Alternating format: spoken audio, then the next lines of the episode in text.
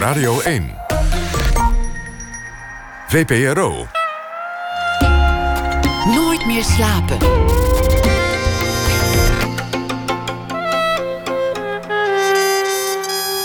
Met Pieter van der Wielen. Goedenacht en welkom bij Nooit meer slapen. Na één uur komt Arno Kantelberg op bezoek, hoofdredacteur van Esquire. In de Volkskrant geeft hij doorgaans ongevraagd steladvies aan prominenten. En hoe het wel hoort, dat heeft hij opgeschreven in het boek Man op zijn best. Want als het over kleding gaat, is de Nederlandse man dolende als een schip zonder kompas. Thomas Herma van Vos die vat de voorbije dag samen en dat zal hij voordragen na één uur. En uh, we beginnen met Jorgen Rijman met zijn uh, nieuwe voorstelling. Zo kan het ook, is hij vanaf heden op reis langs Nederlandse theaters. Hij vertelt op een grappige manier over zijn leven in het jaar waarin hij 50 is geworden. Het geld is op, of althans het is minder geworden. Hij heeft een uh, ziekte overwonnen en de jeugd lijkt langzaamaan voorbij te gaan. Maar het is allemaal goed zo. Jorgen Rijman, geboren in 1966, leefde in zijn jonge jaren afwisselend in Nederland en Suriname. Ging economie studeren in Nederland, maar werd uiteindelijk via veel omwegen cabaretier. Deed shows zowel in Suriname als in Nederland en kwam terecht bij de televisie. Via de radio was dat dan weer. Werd bekend van vele succesvolle programma's, waaronder Rijman is laat en vooral zijn alter ego Tante S zal velen zijn bijgebleven. Eerder dit jaar kondigde hij aan dat hij zal stoppen met televisie. Jorgen Rijman, welkom. Leuk dat je er bent. Fijn om er te zijn, Pieter, absoluut. We gaan eerst iets uh, plechtigs doen, want uh, in januari 2017 wordt de VSB Poëzieprijs uitgereikt. De belangrijkste prijs voor de Nederlandstalige poëzie. En ik mag nu bekendmaken wie de genomineerden zijn. En dat laat ik over aan de voorzitter van de jury, architect te Delft, Francine, Francine Hoeben. Bekend van uh, Meccano, haar bureau. En zij is de voorzitter van de VSB-jury. En ze is nu in New York, want het is een internationaal beroep. Francine Hoeben, goeienacht. Goedenavond, ja. Ja, het is daar nog wat, wat, uh, wat vroeger. Um, jullie hebben heel veel dichtbundels moeten lezen door het jaar heen. En dan, dan, zou je kunnen denken, ach, dat zijn niet zulke grote bundels. Maar het is net cognac. Je moet dat uh, nippend doen. Wie zaten er nog meer in de jury? Uh, we zaten in de jury met Dirk de Geest uit Vlaanderen. Met Martin de Haan, uh, Rosalie Heers en Ilja Leonard Vijver... de winnaar van de VSB Poëzieprijs van vorig jaar. Hoeveel uh, bundels hebben jullie doorgeploegd? 134. En je moet je ook voorstellen, ze kwamen elke keer als een soort pakketjes uh, bij me binnen. Dus het was elke keer een cadeautjes die je ontving... en die je inderdaad heel rustig uh, moest bestuderen. Mocht bestuderen, mag ik zeggen. En wat is je als, als trend bijgebleven? Na, na, na 140 bundels, on, on, ontwaar je iets dat gaande is in de Nederlandse poëzie? Nou ja, wat sowieso al leuk is om vast te stellen... dat, dat, dat de poëzie niet alleen voorbehouden is aan, hè, aan, gedrukte boekjes... maar dat het ook heel erg alive is op kleine, po kleine en grote podia... met veel optredens en voordrachten.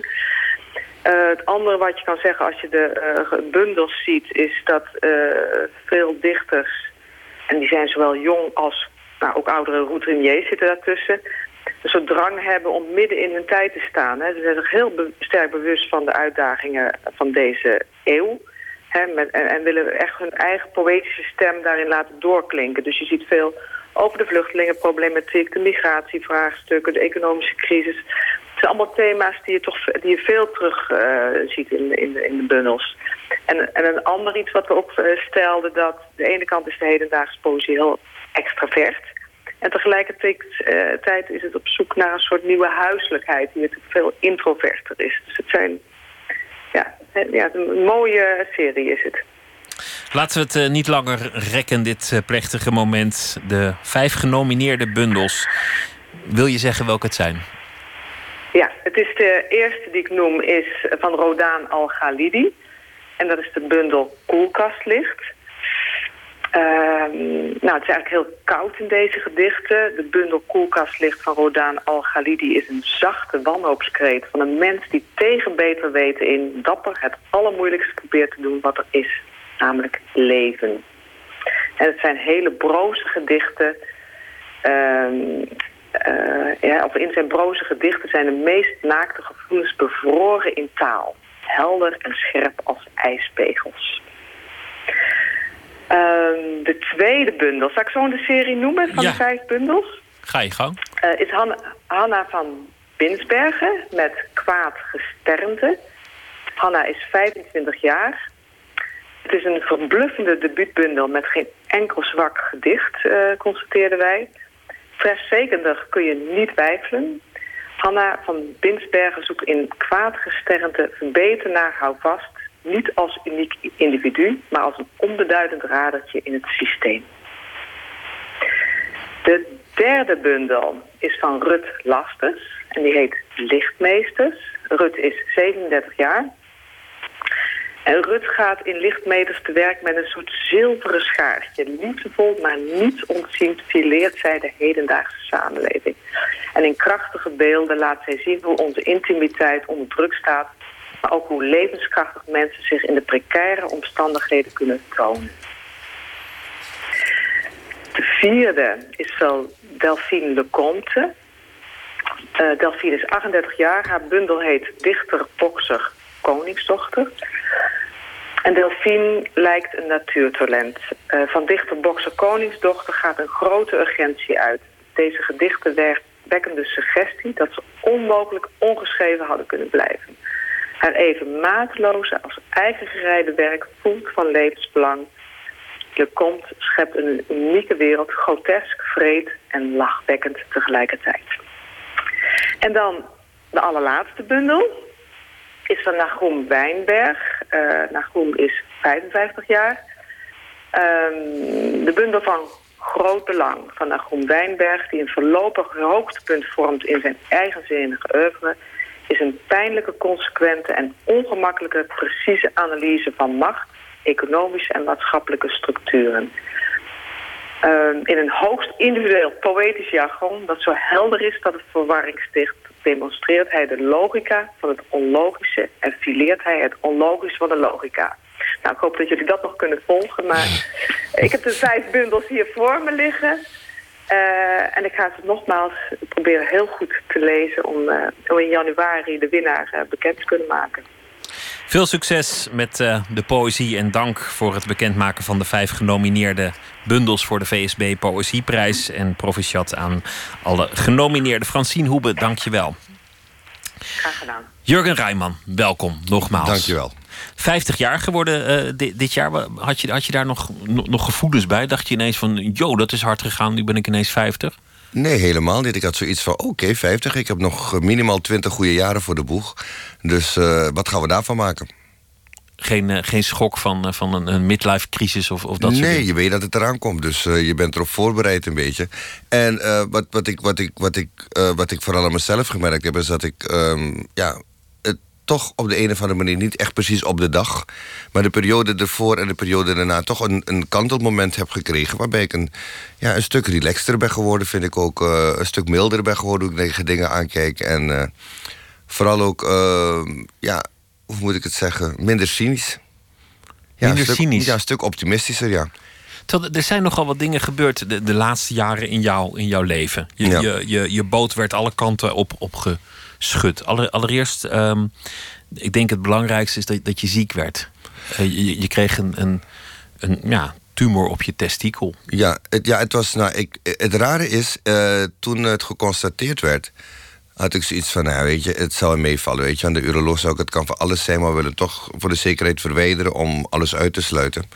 En ehm, ik had zoiets van, ja. In mijn hoofd, weet je, kom af, gewoon positief denken. Ze hadden ook gezegd van, we kunnen die hele testicle verwijderen als het moet. Nou, ik dacht ik van, nou, dan ga ik maar een octaaf hoger zingen als het moet. Dat maakt niet zo. Maar ik, je probeert jezelf moed in te spreken op de een of andere manier. En toen heb ik de operatie gehad. Ik was binnen een dag weer thuis. Het is allemaal heel vlot gegaan. Maar toen ik na twee weken de uitslag kreeg dat alles echt schoon was en dat het echt niets aan de hand was, dan merk je toch dat je al die tijd. Want toen kreeg ik echt een soort van. Ja, ik ging even stuk, omdat ik toch zoiets had van. Ja, je hebt al die tijd heeft het je toch bezig gehouden. Dat er iets in je lichaam zit wat er niet thuis hoort. En eh, gelukkig was het goed aardig en heb ik geen last meer gehad. Maar het heeft me wel, eh, zeg maar, zeker een periode van vier maanden onbewust eh, gevangen gehouden. Dan moet er ook in die vier maanden door je heen gaan. Ik, ik zou eens een serieus patiënt kunnen worden. Of, of, of misschien, misschien heb je wel gedacht aan, aan je sterfelijkheid zelfs. Hoe ver ging dat? Nee, ik heb, nee, ik heb, ik, ik heb sterfelijkheid is voor mij nooit een probleem geweest. Ik heb uh, mijn zuster vrij jong verloren, mijn vader vrij jong verloren... waardoor ik al heel gauw met de dood geconfronteerd werd... en ik mezelf ook heel erg heb gezegd van luister, geniet van het nu. Het is heel erg betrekkelijk, het is heel erg kort, het kan elk moment gebeuren. Dus um, het, het was niet mijn sterfelijkheid waarmee ik geconfronteerd werd... maar eerlijk met mijn kwetsbaarheid.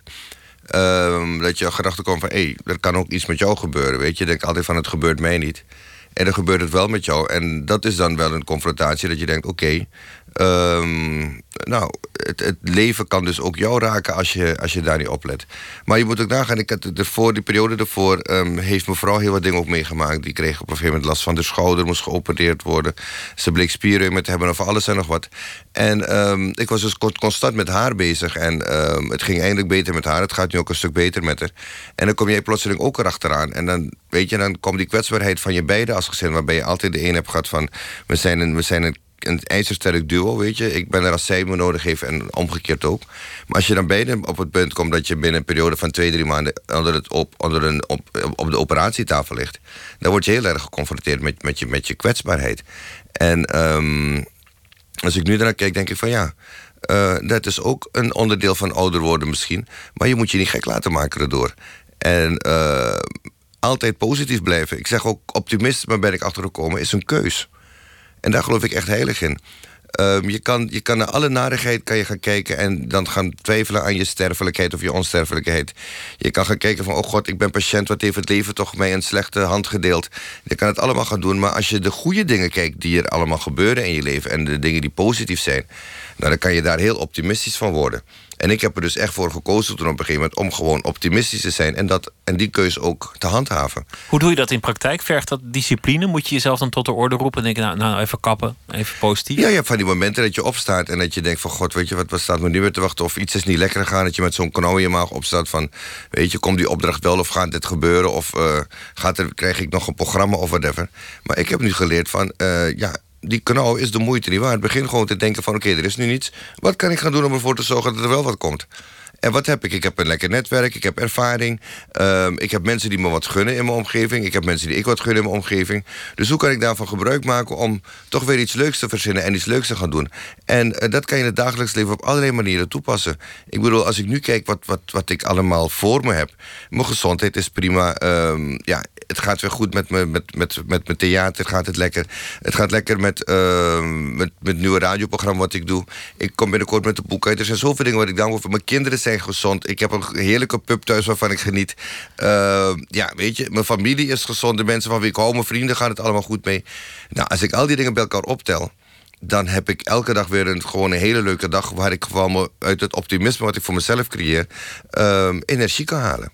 Maar niet, niet alleen je gezondheid was, was een, een, een kwestie. Het geld was op. Om, om het gewoon maar. Ja, om het even plastisch te zeggen. Nou, het was op in die zin van het inkomen viel weg. En ik had, ik had, uh, ik had, ik had er was een investering geweest die niet zo handig was gegaan. Waardoor ik aardig wat kwijt ben geraakt. Maar um, ook dat is het zo weer. Van, uh, ook dan zie je van hoe relatief het eigenlijk allemaal is. Weet je, waar je vroeger gewoon uh, ja, zonder zorgen je creditcard kon trekken en alles kon doen, moest je nu elke, uh, elke week gaan of elke maand gaan kijken: oké, okay, hoe, touw, hoe knoppen we de, touw, de eindjes aan elkaar? Hoe gaan we dit voor elkaar krijgen? En nu zijn we na zes, zeven maanden weer op het punt dat dat niet hoeft. Dat we weer een stuk meer ademruimte hebben. Dus het is ook goed om door die periode te gaan. Omdat het relativeert. Omdat het relativeert denkt... en het, het, het maakt je ook weer nederig het maakt je ook weer nederig. Het laat je ook weer zien van dat, het niet, dat het geld niet alles is. Weet je. Ik was altijd vrij poenerig. Uh, weet je. Ik was een vrij megalomane lul, vond ik zelf soms ook zelf. Dat weet je. Ik, hoe ik in het leven stond toen ik naar dingen keek. Weet je, ik reed in een vette Porsche. Voelde me helemaal de man als ik dan kwam aanscheuren ermee. En nu rijd ik gewoon in een... Ja, in een het, is, het is geen eenvoudig. Ik rijd een Volvo waar ik heel trots op ben. Weet je, maar dat is toch weer wat burgerlijker wordt. Dus die mensen kijken anders naar je. En je voelt jezelf ook een stuk... ja relaxter worden met alles, weet je. Ik bedoel, vroeger moest ik alles nieuw hebben. Ik moest om de zoveel tijd nieuwe stereo hebben, alles. En nu heb ik zoiets van, nee, zolang alles nog werkt, is het prima. Dus het is, uh, ja, het is, het is, een, het is een nederige ervaring geweest. En ik heb mezelf ook ontdekt van, ja... Ik had vroeger ook altijd het, het idee dat ik de macht in handen en de kennis in, in, in macht had... dat ik alles maar wist hoe de wereld in elkaar zat. Nou, ik ben 50 nu en ik ben erachter gekomen dat ik nog heel veel te leren heb. Dus eigenlijk ben je een, beetje op je bek gegaan, maar, maar is het ook ja, maar op een goede manier. Ja, ik zeg, iedereen moet af en toe op zijn bek gaan. Want door het op mijn bek gaan heb ik een hele nieuwe methodiek ontwikkeld van motivatie die ik nu gebruik in mijn, in mijn workshops. En daar ben ik nu dat boek over aan het schrijven. En uh, dat is gekomen doordat ik op mijn bek ben gegaan. En dat is ook ondernemen. Als je onderneemt en alles gaat altijd maar goed, dan ben je geen goede ondernemer. Een goede ondernemer moet soms ook op zijn bek gaan. En uh, dat heb ik vanuit mijn theater geleerd. Als cabaretier moet je ook op je bek durven gaan. Want je moet jezelf kwetsbaar opstellen als je op het podium staat en je verhaal vertellen. En de ene keer gaat het goed, de ene keer gaat het niet goed. De ene keer heb je een recensent uh, wiens vrouw net ongesteld is en je programma ziet en het helemaal de grond is schrijft. En precies naast hem zit er een andere die het hilarisch vindt en het, en het uh, vier, vijf sterren geeft. Dus het is, ja, het zijn van die momenten dat je zegt van kies de leuke eruit. En uh, dan zie je ook, tenminste voor mij om op het geld terug te komen, dat het geld echt maar een klein fractie van het geheel is. Van, van je geluk, van, van, van wat belangrijk is in, in, je, in je bestaan. Ja, weet je, mijn echte, mijn echte rijkdom, dat, dat, dat zijn Sheila en mijn dochters. Heb je gemerkt, dat is mijn echte rijkdom. De rest, nou ja, ik bedoel, uh, geld verdienen ga ik altijd kunnen. Daar heb ik, daar heb ik blijkbaar een talent voor, waardoor het me lukt. Maar het is niet meer het belangrijkste in mijn leven. We gaan het zo hebben over uh, alle dingen waar je mee bezig bent. Over, ja. over je show, over je workshops, over het uh, boek dat eraan zit te komen. Maar ook vooral over je leven tot nu toe. Maar we gaan eerst luisteren naar een uh, Californische zangeres, Katja Bonnet. Want ze heeft een album, The Visitor. En het lijkt wel een beetje op de soulmuziek uit de jaren zeventig. En dit nummer heet Honeycomb. Benieuwd.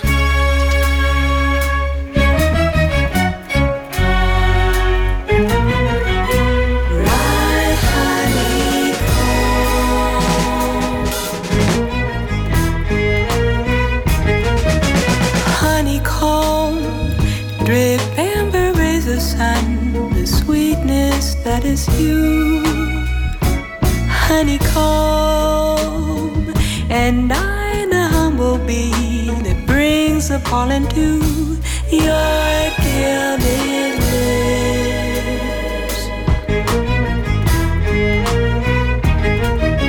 Without a doubt, before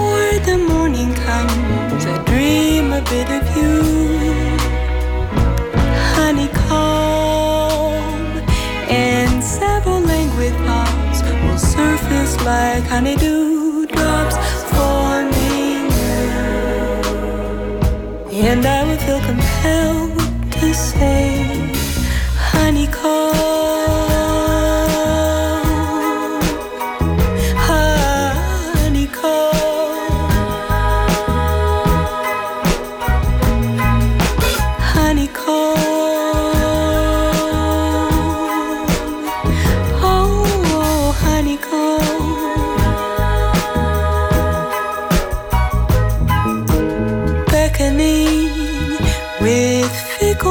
honeycomb. Your whims are always met. Honeycomb, and I the lucky fool in courtly dress, but the jokes are all on me. And I'm reminded of your words. All the stars burning in the sky.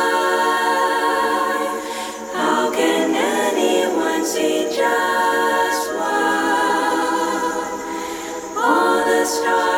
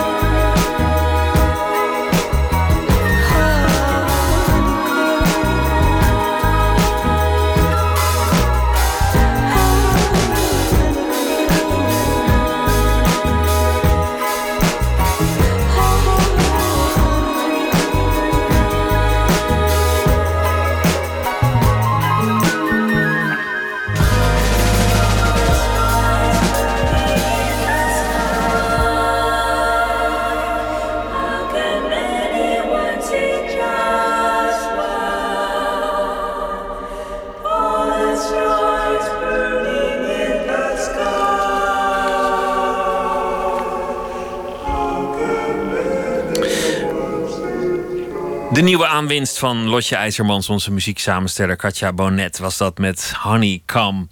Jorgen Rijmans zit tegenover mij in Nooit meer slapen. We hebben het gehad over uh, uh, nou ja, hoe, hoe, hoe het dan gaat als je, als je dan ineens 50 wordt. Ja.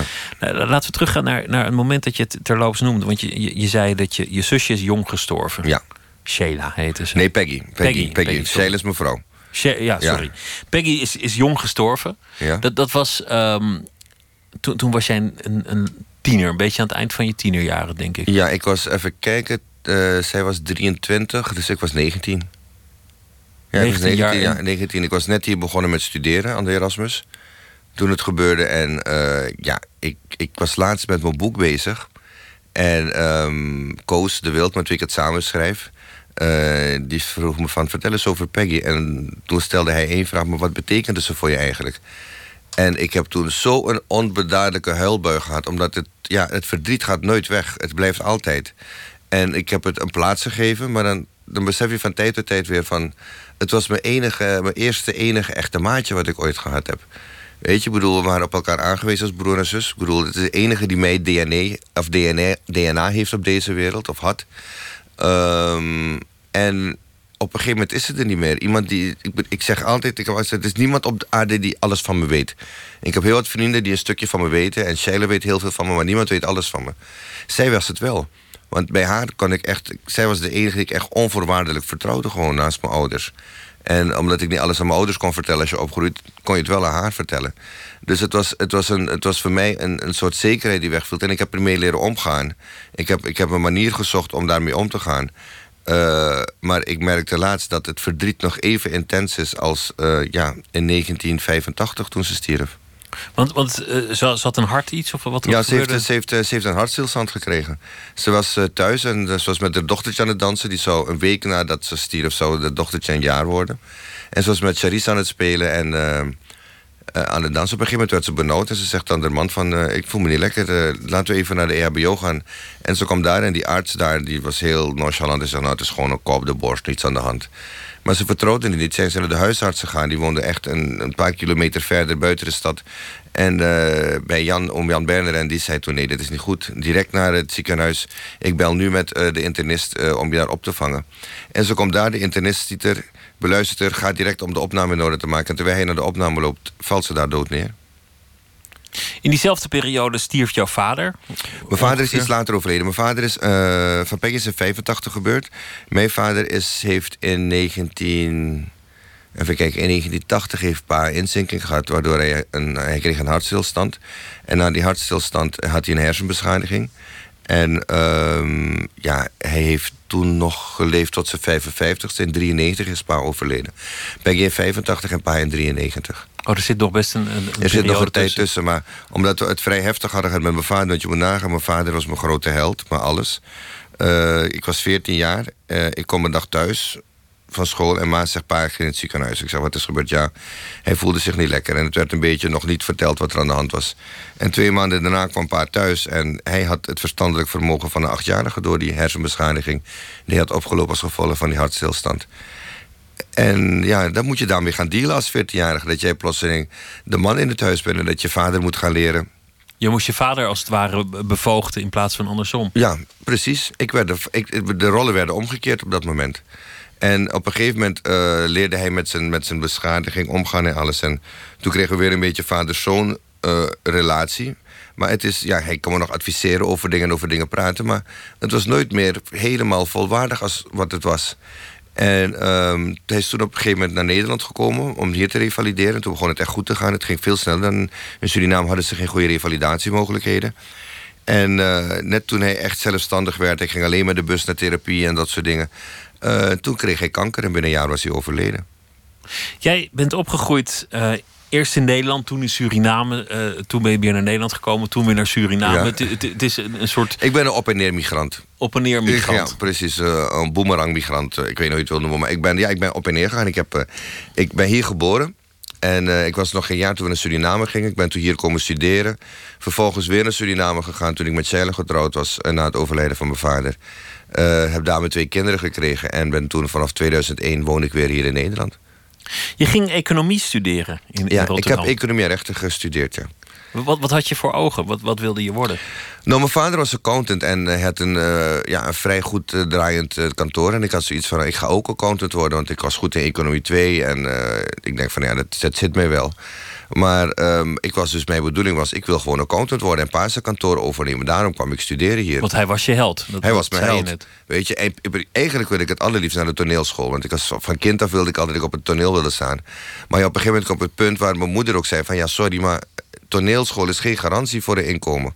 Dus je moet wel iets gaan doen, want we rekenen wel op je als gezin dat je op een gegeven moment dat van pa overneemt. En ik voelde ook die verantwoordelijkheid, weet je. Mijn zus was inmiddels overleden. Uh, of nee, zes, Peggy was niet overleden. Maar ik voelde wel de verantwoordelijkheid dat ik dat kantoor moest gaan overnemen. Ik was de man of the family en ik moest een studie gaan doen. Maar... Uh, ja, toen ik hier kwam bleek al heel gauw, zoals mijn oom Bert, uh, waar ik bij woonde, die nu ook is overleden, heel mooi zei van, jij bent niet uit studentenhout gesneden, dus waarmee ben je bezig in godsnaam? En toen ging ik in uh, de horeca werken op een gegeven moment uh, tijdens mijn studie. En daar vond ik, mijn, vond ik mijn plezier terug. Want ik was aan het entertainen aan tafels, wat ik altijd leuk vond om te doen, deed ik aan tafels. En op een gegeven moment uh, ging het heel goed in het bedrijf waar ik werkte. Ik, ik, verdiende ook heel goed. Ik had sommige maanden dat, dat, ik echt zeven dagen in de week werkte. Dat ik gewoon beter verdiende dan mijn afgestudeerde vrienden. Toen dacht ik van ja, sorry, maar dit is dan, ik ga die studie echt niet meer afmaken. Maar jij zat in, in Nederland, terwijl jouw uh, familie voor een groot deel ook in, in Suriname zat. Ja. Je, je zusje, die heel dierbaar voor je was, die, die, die was overleden. Uh, je vader, die leefde nog, maar die was je feitelijk verloren. Ja. Want, want die, die was niet meer bij verstand. En die studie, die liep niet. En, Nee. en, en jij was een on- onrustige, want, want jonge man. Ja. Wat, wat, hoe, hoe ging dat je af? Ja, hoe ging dat me af? Ik bedoel, ik heb een periode gehad, dat is ook geen geheim. Ik heb een periode gehad dat ik, dat ik op een gegeven moment mijn toevlucht in de druk zocht. En eh, het was, ik woonde in eh, Rotterdam, maar ik was elk weekend was ik in Amsterdam om te feesten. En eh, ja, dan ging er aardig wat door mijn neus en ik slikte ecstasy. Het was een van de eerste die met, daar met die shit begon toen. En op een gegeven moment eh, raakte ik Sheila kennen. En die zei ook van ja, ik vind het, ik, ik bedoel, je mag doen wat je wil, maar ik, het is niet mijn ding. En toen kreeg ik op een gegeven moment een blackout tijdens het examen, omdat ik echt gewoon te hard had gefeest dit weekend ervoor. En dat was voor mij ook een keerpunt. En toen dacht ik van ja, je moeder is net je zus kwijtgeraakt, niet zo lang geleden. Ehm, wil je er dit ook aandoen dat ze een zoon krijgt die nu junk wordt en eh, helemaal fout gaat? En Sheila zei me ook van ja, het is of ik of die rotzooi. En ik heb toen voor Sheila gekozen en ben toen ook rigoureus gestopt ermee. Want zij is nog steeds je grote liefde. Absoluut, ja. Nee, dat, dat is. Dat is uh, ik heb echt. Er zijn niet veel mensen, volgens mij, die het geluk hebben om zo jong een soulmate te vinden. En dat heb ik met Sheila zeker. Ik bedoel, ik leerde de. Ik, we kenden elkaar al van de middelbare school, maar toen was er nooit iets echt gaande. Ik, later begreep ik dat ze toen al een oogje op me had, dat ze me toen al leuk vond. Maar ik was toen nog in mijn jonge wilde tijd dat ik. Uh, ja, zij was echt een muurbloem, weet je, heel rustig teruggetrokken meisje. En ik was iemand van. Ik was met de populaire meiden, ging ik aan de gang. En uh, toen ze kwam op de universiteit in Rotterdam ook studeren. En toen zag ik er en toen was het in één keer van mij, ja, was er geen andere meer. En uh, dat is zo gegroeid. En dat is nu, al 30 jaar is zij echt uh, de liefde van mijn leven. Het was ook een, een ruwe tijd, zo, zo de jaren tachtig. Want, want hier in Nederland ging het slecht met, met veel Surinamers. Het was de tijd dat, dat, er, dat er altijd werd gesproken over Surinamers. Dat, dat waren druggebruikers en, en inbrekers. Ja, wij waren, wij waren de Marokkanen van toen en de moslims van toen, zeg maar. Dat, Ik bedoel, dat is een beetje, het dat is een beetje vergeten dat Ja. dat zo was. Maar dat, dat was wel zo. En in, en in Suriname wa- was het land natuurlijk ontwricht. Ja, want je de militaire dictatuur die daar weet dat was ook een probleem. Want mijn ouders die konden op een gegeven moment geen geld meer overmaken. Los van het feit dat mijn moeder het heel moeilijk had en echt de eindjes aan elkaar moest knopen. Mijn moeder die was op een gegeven moment bezig met bloemschikken, eh, kleren maken. Nou, alles wat ze kon, maar kon doen, alleen maar om extra geld te verdienen. En eh, ja, die kon dus heel met moeite geld van mij overmaken om van te leven. En daarom ben ik ook op een gegeven moment de horeca ingegaan. Om, ze zegt van mama, je hoeft niet meer voor me te zorgen, ik ga het zelf doen. En eh, het was in Suriname in die tijd van ja, de militaire dictatuur. Gewoon, ik bedoel, eh, weet je, heel veel angst onder de bevolking. Mensen, er was een avondklok eh, die, eh, die gold en zo. Dus ja, het waren, het waren in Suriname zeker ook hele zware tijden. En ook, ook ruige tijden. Veel criminaliteit. Veel was criminaliteit veel was het. Ik had ook dat, ja, ik weet je. Er werden, er werden, er werden veel roven, berovingen gedaan. En ja, weet je, ook met het hele 8 december gebeuren toen in Suriname, weet je, waren gewoon goede vrienden van mijn vader ertussen die vermoord werden. En ehm, ja, het heeft, uiteindelijk heeft dat wel een impact op me gehad. Ja, ik bedoel, ik merkte het ook dat ik, eh, een heel lang, dat ik heel lang een soort angst had. Als je harde kanaal hoorde, dat je dacht van wat gebeurt er? Omdat je zo gewend was aan het geluid van de koep en dat er weer geschoten werd in Suriname. En dat heeft de hele tijd heb ik dat met me meegedragen. Je zei dat je in, in, in Nederland nog ging entertainen aan tafel in, in een restaurant. Ja, daar gaat het nog leuk worden. Want we gaan over mijn programma praten... en het gaat hier over dood en verderf. Nou, maar ik vind het wel interessant hoe dat, hoe dat begint. Want wat is entertainen aan tafel? Wat, deed je dan? Nou, het is gewoon, ik bedoel, uh, ja, mensen uitleggen... wat er allemaal te koop was op de kaart. Maar gewoon met een grapje erbij. En uh, weet je, gewoon uh, met het serveren erbij. de, de kunst van, zeg ik altijd, om twaalf bestellingen... van verschillende mensen te onthouden. En daar een grap over te maken. En het ook nog goed uit te serveren. Um, ja, uh, de mensen vertellen over Suriname op een leuke manier... of wat er weer in het nieuws was gebeurd... en daar dan persiflages op maken terwijl je daar aan de tafel bezig was. Dus ik was eigenlijk in het kort, of in het klein... was ik een soort van mini-stand-ups aan de tafel aan het doen. Dus dat was voor mij het entertainen. En toen dacht je, ik van, was gewoon de vrolijke ober. De vrolijke ober was ik, ja. Weet je, zoals je die in menig restaurants hebt. Sommigen zullen het misschien irritant gevonden hebben... maar ik vond mezelf geweldig. en, en toen, toen ben je op een zeker ogenblik weer naar Suriname gegaan. Ja, mijn vader kwam te overlijden en Sheila raakte in verwachting. En uh, ik had zoiets van... Um, ja, mijn studie is toch niets geworden. En ik kon met mijn zwager kon ik de, hout, de houtbusiness ingaan in Suriname. Dat ze hadden een heel plan gemaakt om de houtindustrie in te gaan. En ik vond het een nieuwe uitdaging. Ik denk, ja, leuk, weet je. Ik ga dat doen. Uh, kan ik ook gewoon een normale, goede job hebben om mijn gezin te onderhouden. Maar dat bleek ook helemaal mijn ding niet te zijn. Het was echt, het, ik, ik voelde me vreselijk in die business. Want het was een keiharde business waar echt de, concurrentie niet schroomde om jou op allerlei manieren te dwarsbomen, zodat je hout op de haven bleef liggen tot het verrot was en dat soort dingen. Maar jij had gewoon het gevoel, ik, ik moet een serieuze baan hebben, want ik heb verantwoordelijkheden. Ja. En uh, toen ik zag dat dat niet ging en dat ik ongelukkig werd, toen kwam de mogelijkheid om mijn eigen restaurant te beginnen in Suriname. En toen dacht ik, ja, dat kan ik wel. En dat vind ik leuk. En in het restaurant heb ik toen mijn eigen podium gecreëerd. Toen ben ik op een gegeven moment met vrienden... zeiden we gaan een jam session doen een avond. En ik ga daar gewoon tussendoor gewoon grappig proberen te doen... door typetjes te doen of liedjes te zingen in, uh, met een uh, alternatieve tekst. En zo is mijn, mijn cabaretcarrière begonnen als een soort van grap. En het is uiteindelijk een uit de hand gelopen grap geworden. En toen, toen ben je via het, het cabaret terechtgekomen in, in Suriname bij de radio. Als ik het, als ja, ik deed, eerst, nou, ik deed eerst radio al. Uh, en toen begon ik cabaret te doen. En uh, toen kwam op een gegeven moment televisie erbij. Dus mensen zeiden van, weet je, weet je, vind het ook leuk om een soort een talkshow te gaan doen. En toen zijn we met Rijman Praat Laat. Zij begonnen toen in Suriname.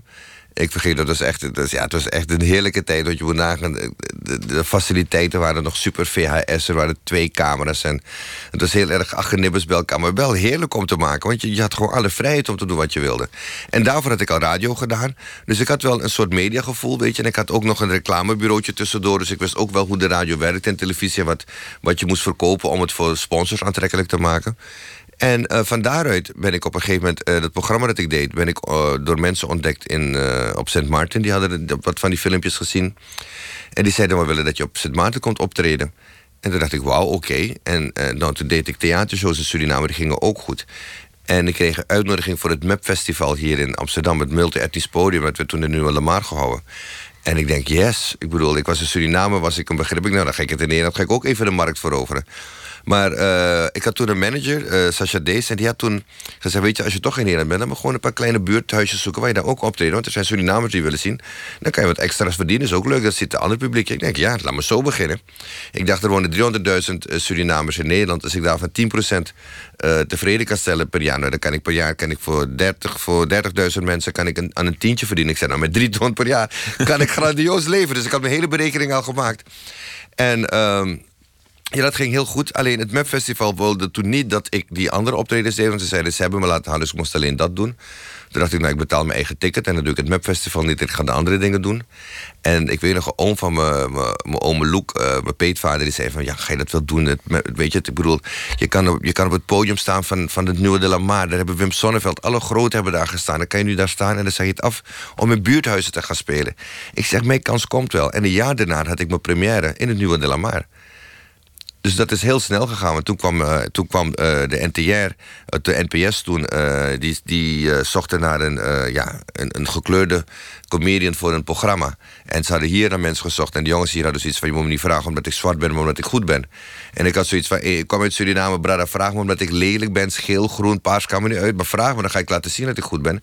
En toen is de Comedy Factory begonnen. En met de Comedy Factory heb ik toen, ja, een, een heel groot publiek bereikte in één keer. En daardoor kwamen mijn theaterzalen ook vol. En toen is het echt heel snel gegaan. Maar jij mikte aanvankelijk op Surinaams publiek, want je was al een, een, een grote naam in Suriname. Je dacht, nou dan, dan ga ik voor die 300.000 Surinamers in Nederland. Ik ben afgelopen weekend naar je show gaan kijken. Iedereen zit bij jou in de zaal. Ja. Blank, zwart, uh, alle kleuren daartussenin. Man, vrouw, jong, oud. Ja, maar dat komt ook Hoog in Suriname. opgeleid, ja. laag opgeleid, het maakt allemaal niet uit. Nee, maar in Suriname kom je met mensen in contact en die zeggen: Ja, weet je, het is een niche-markt. Als Suriname ga je niet zomaar ertussen komen. En weet je, je, moet, je kan liever voor je eigen mensen wat doen. Dat is wat je hoort als je daar bent. Ik had geen idee hoe het werkte hier. Maar toen ik hier kwam en ik zag hoe televisie werkte en hoe dat in theater... ik denk van ja, kom op man. De wereld is veel groter dan alleen Suriname. Zeker de markt in Nederland. Ik bedoel, ik ga voor iedereen een programma maken. Ik wil nu niet alleen op Surinamers richten. En toen ben ik breder gegaan. En ook met televisieprogramma dacht ik... ik wil geen... Uh, ik bedoel, het programma had altijd een Surinaamse identiteit... door Tante S en zo. Dat, dat was onmiskenbaar. Maar ik maakte geen programma met in mijn achterhoofd... dit moeten Surinamers leuk vinden. Ik maakte een programma met... dit moet Nederlanders leuk vinden. Dit moet een boodschap zijn voor heel Nederland. Dit moet de maatschappij begrijpen wat mijn boodschap is. En dat heb ik ook met mijn theater toen gedaan. Dat was toch bijzonder, omdat dat je een van de, de eerste was. Er zijn er meer geweest. Die, die vanuit de Surinaamse gemeenschap bekend werd in heel Nederland. Ja. Die, die, ben je, heb je daarmee het idee ook dat je, dat je een soort voortrekkersrol was? Dat, dat je het geholpen Nee, maar er zijn genoeg voor me geweest die het hebben gedaan. Ik bedoel, Jetty Maturin heeft voor ons ook het pad geëffend. Zeker. Um, op televisie, Nora Beyer was een van de eerste Surinaamse vrouwen die de, die de stempel drukte op. Weet je, zo zijn er heel wat mensen voor ons geweest. Umberto Tan was lang voordat ik met televisie was, zat hij al bij Sonja Barend. Dus ik kan niet, ik kan niet zeggen dat ik, dat, ik, dat ik de weg geplaveid heb. Ik ben een onderdeel geweest van, uh, van het geheel. En een, een, een, een onderdeel, maar er zijn heel wat die dat gedaan hebben. Het is een joint effort geweest, zeg ik altijd. Ik ben echt niet de enige die daarvoor gezorgd heeft. Het enige is dat ik een vrij groot bereik had met Rijman Laat dat de Surinaamse cultuur op een gegeven moment wel een beetje gezien werd. Oh, dat is ook leuk. Weet je, Tante S is zo, weet je, mensen vonden dat leuk. Het was, maar wat ik dan ook vind als ik mensen vraag van. Ja, Surinamers zijn echt goed geïntegreerd. Zeggen, ja, jullie wel. Dan zeg je, weet je, als je, het feit dat je dat durft te zeggen... dat Surinamers goed geïntegreerd... geïntegreerd ik kan het woord in mijn strot krijgen... nee. geïntegreerd zijn... vind ik al een, een echt een, een, zo een, een gebrek aan historisch besef tonen. Want Surinamers zijn altijd Nederlanders geweest. Ik bedoel, Suriname was, ik zeg het ook in mijn programma, was nog voor Limburg onderdeel van het Koninkrijk der Nederlanden. We hebben een volledige Nederlandse opvoeding gehad. Onze jij, taal moest, daar... jij moest daar in Suriname gewoon de topografie en de geschiedenis van Nederland uit Ja, ik, ik moest alles. Ja, ik leerde alles. Ik leerde Nederlandse liedjes op school. Um, ik, ik wist alles over de jaargetijden. Ik leerde over de winterklokjes en noem maar op.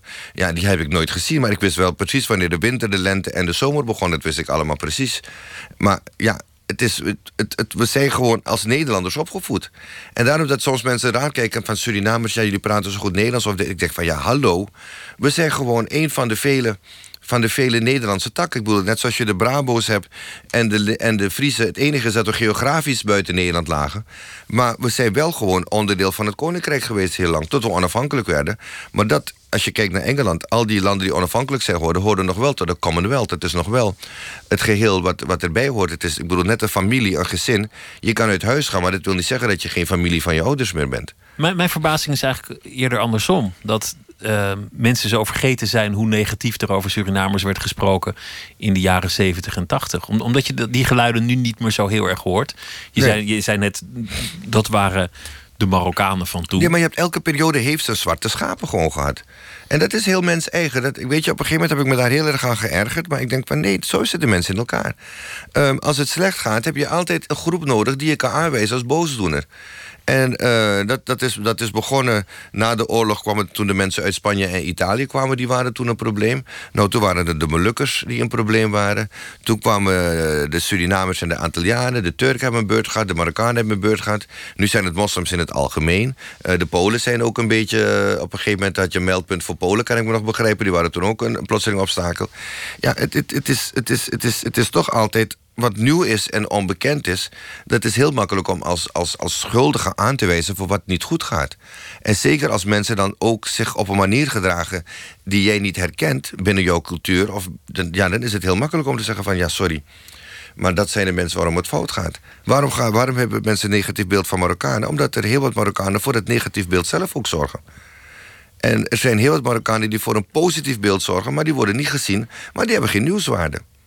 Dus het heeft ook met onze sensatiezucht te maken als mens. Waar willen we graag naar kijken, waar willen we graag naar luisteren, wat vinden we interessant. Die ervoor zorgen dat we dan een bepaald beeld krijgen van mensen. Weet je, ik had laatst iemand in de radio die zei van ja, uh, weet je, maar uh, ja, het probleem is gewoon die allochtonen die willen niet werken. Ik zeg nou meneer, ik ben nu aan het werk. Hij zei ja, maar daar bedoel ik jou niet mee. Weet je, dus het is wel makkelijk om te generaliseren. Maar als, als elke allochtoon in Nederland nu zou zeggen ik stop met werken vandaag. En iedereen gaat weg. Nou, dan hebben we echt een probleem hier, logistiek in Nederland. Ik bedoel, dat valt er echt heel wat weg op dit moment. Als jij in dat theater staat, waar, waar, waar iedereen zit, dan, dan, dan, dan spreek jij je uit in die kwestie. Maar, maar je, je doet dat op een allereerst natuurlijk humoristische manier. Het mhm. is wel een show, er, er, moet wel gelachen worden. Maar, maar jouw boodschap... Er moet ook gezegd worden. Er moet ook van alles gezegd worden. Maar jouw, jouw boodschap blijkt vooral te zijn... Om, om een zekere relativering en zachtaardigheid terug te brengen. Ja, maar dat is het Nederland dat ik ken. Ik bedoel, weet je, vroeger als je het niet met elkaar eens was... en dat weet ik uit mijn studententijd... dan ging je een boompje planten. En dan ging je met elkaar zitten en dan werd je het waarschijnlijk ook niet eens... want hoe meer je dronk, hoe minder je het met elkaar eens was... maar je was het in elk geval eens dat je het niet eens zou worden. En dat respecteer je van elkaar. Tegenwoordig, als je het niet met iemand eens bent... Nou, weet je, dan moet je zijn huid vol schelden op Twitter. Dan moet hij dood op Facebook. Uh, je moet dan alles gaan bedenken. Uitzwaaidagen, noem maar op. Dus dit, dit, het oer-Hollandse waar we door het polderen... en door met elkaar gewoon te praten... meningsverschillen konden oplossen... dat zie ik langzaam maar zeker verdwijnen. En dat, heeft niet, dat is niet alleen maar bij, bij, de, bij, bij, de, bij de neder, de autochtoon of de allochtoon zo. Het verspreidt zich over de hele gemeenschap gewoon. En dat is misschien een sign of the times... maar ik vind het wel verontrustend... want dit is niet het Nederland wat ik ken het is ook niet een heel gezellige sfeer die zo. Nee, uh, dus weet je, dat, ik bedoel, wij zijn de enige die het woord gezellig in onze taal hebben. Probeer het maar aan iemand anders uit te leggen in, in het Engels of in het Frans of wat gezellig is. Dat kan je bijna niet. Gezellig is zo'n uur Nederland. Maar we doen ons zo, zo ons best de laatste tijd om het vooral niet gezellig te laten zijn. En dat, ja, dat begrijp ik gewoon niet. Laten we luisteren naar uh, een goed liedje in het genre Amerikaanse country rock, The Future Birds. En uh, het nummer heet From Me to You. En het is ooit een uh, liedje geweest van de Beatles.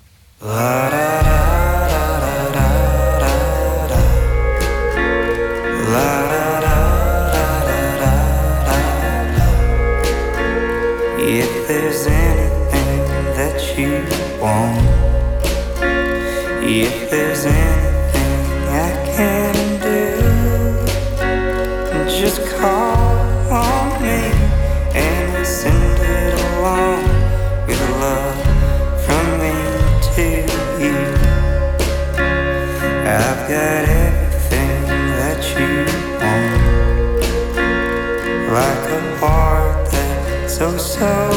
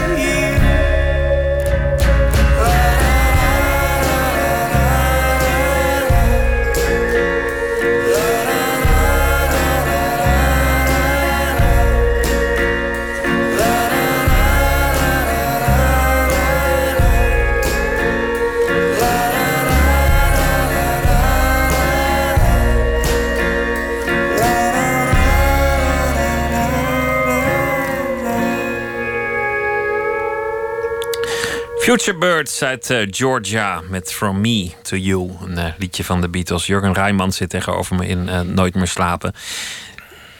We waren in je, in je levensloop gebleven daar waar, waar je ineens op tv kwam. Een, eh, een 700.000 kijkers had, een miljoen kijkers had, een nationale persoonlijkheid hebt. En, en toen vorig jaar, toen zei je ineens in een interview in de krant gesprek met Robert Vuistje was het, geloof mhm. ik, in, in de Volkskrant. Ik, ik, ik kap ermee, ik doe geen tv meer. Ik wil het gewoon niet meer. Nou, ik was, toen was ik ook heel erg boos. Ik was heel erg boos omdat het programma was gestopt. Ehm, ik had zoiets van, ja, ik heb 15 jaar heb ik me gegeven aan de publieke omroep met alles. En gewoon word ik afgeschreven en bij het oud vuil gezet.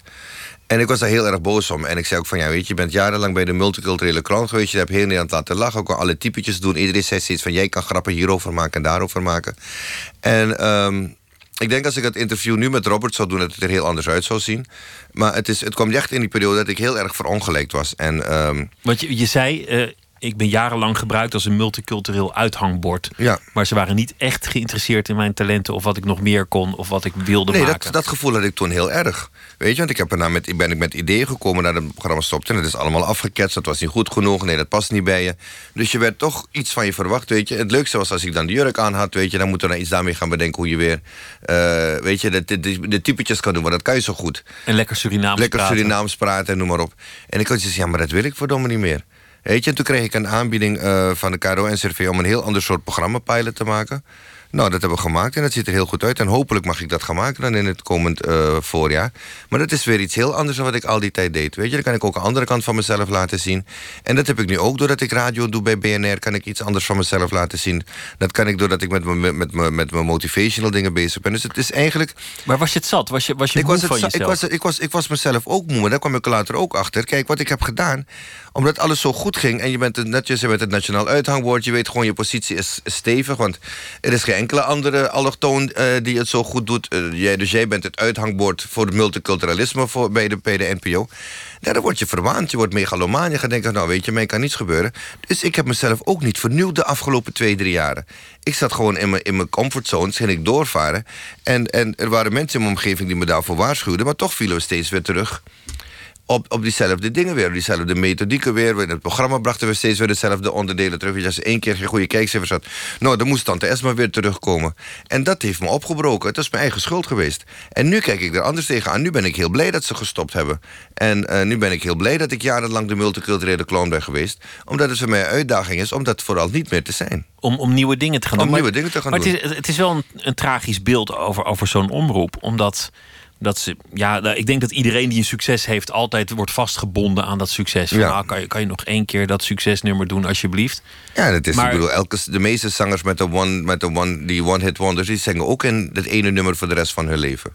Daar zit je aan vast. Dus dat is misschien Tante S. Maar tegelijk is, is het ook wel tragisch dat, dat ondanks alles wat je bereikt hebt en, en wat je bleek te kunnen, dat je voor de directie of, of voor de mensen die erover gingen, toch uiteindelijk werd, werd vastgebonden aan dat Surinaamse. Ja, weet je, het, het, het, heeft, het heeft. Ik denk dat het, dat het niet eens opzettelijk is, maar dat het te maken heeft met de, de manier van hoe wij. Uh, ja, hoe onze perceptie is in Nederland. We vinden het heel makkelijk als we dingen etiket kunnen geven en het in een hoek kunnen plaatsen. Zodat we weten, als we dat nodig hebben, kunnen we dat van stal halen. Dat merk je ook bij redacties en zo vaak van programma's. Dan wordt je gevraagd, als er weer iets over Suriname gaat, dan gaat de Surinaamse kaartenbak. Prim, Jurgen, die pap, die hebben, die gaan we, die komen tevoorschijn. Er gebeurt iets met de Marokkaanse gemeenschap. Welke Marokkanen hebben, die worden dan eruit gehaald en die worden uitgenodigd voor het programma. Um, ik word nooit gevraagd als het gaat over vaderschap in Almere. Terwijl je daar alles van weet. Terwijl ik daar alles van weet. Ja. Weet je, maar ik ben niet de eerste die in mind komt daarbij. Het is, het, het is de perceptie van onze gemeenschap. Kijk, men wil diversiteit hebben.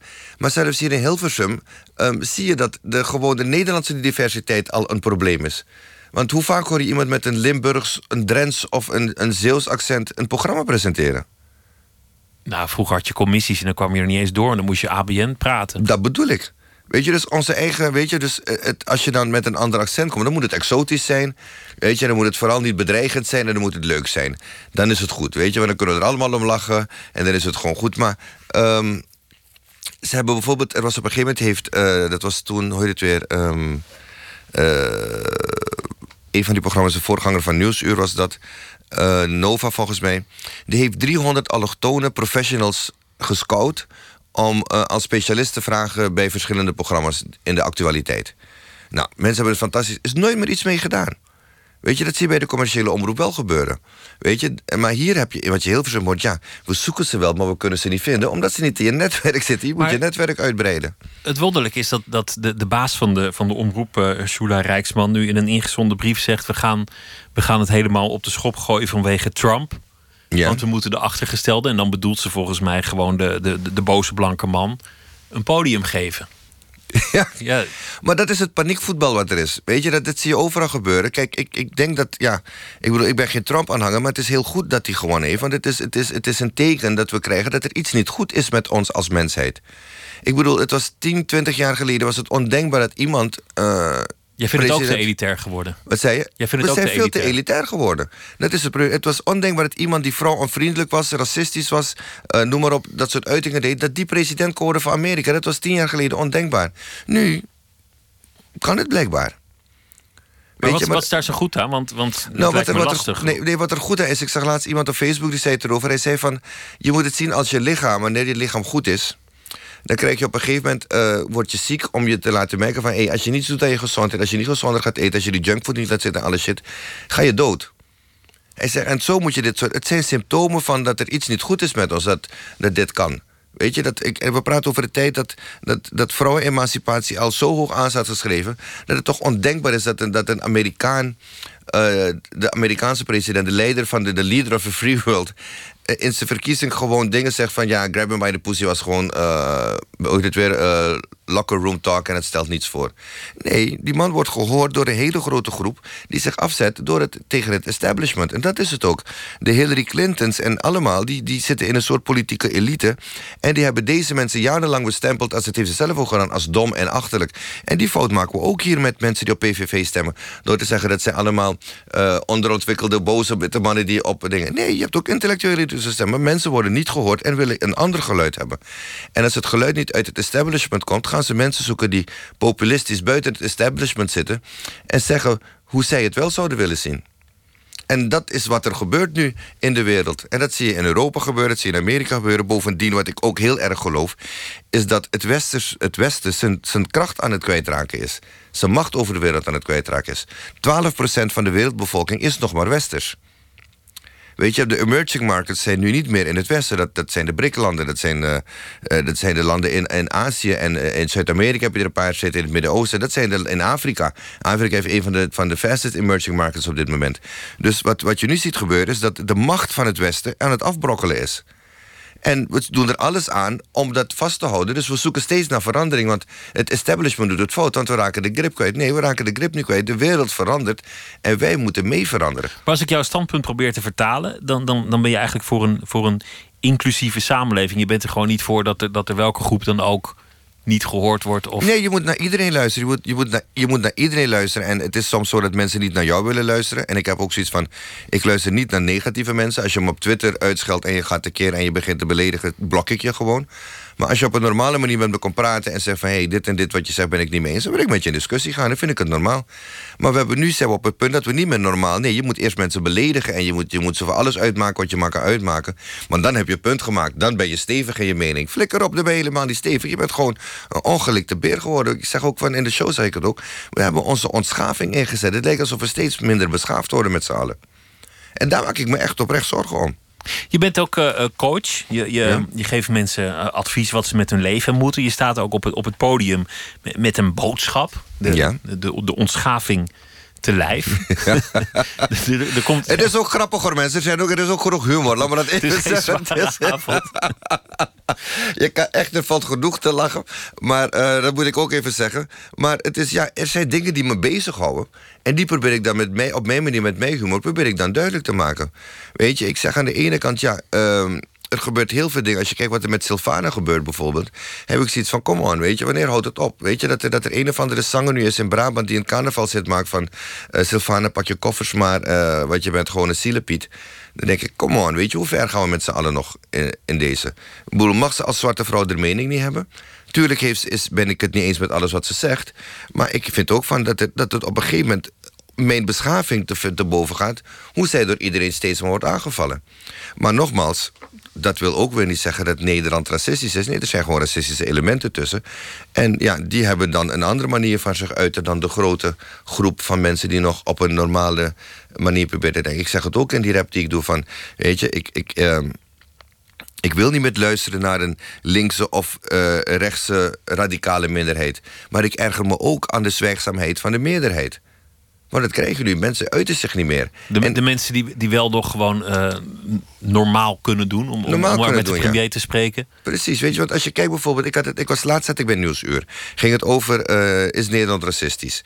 En ik zat daar met uh, twee andere mensen. Nou, die ene Surinaamse jongen met wie ik zat. die vond het absoluut. Die vindt het hele systeem racistisch. Ik zeg, ja, kom op. Weet je, ik zeg, ik zeg er zijn 5000 mensen op Facebook.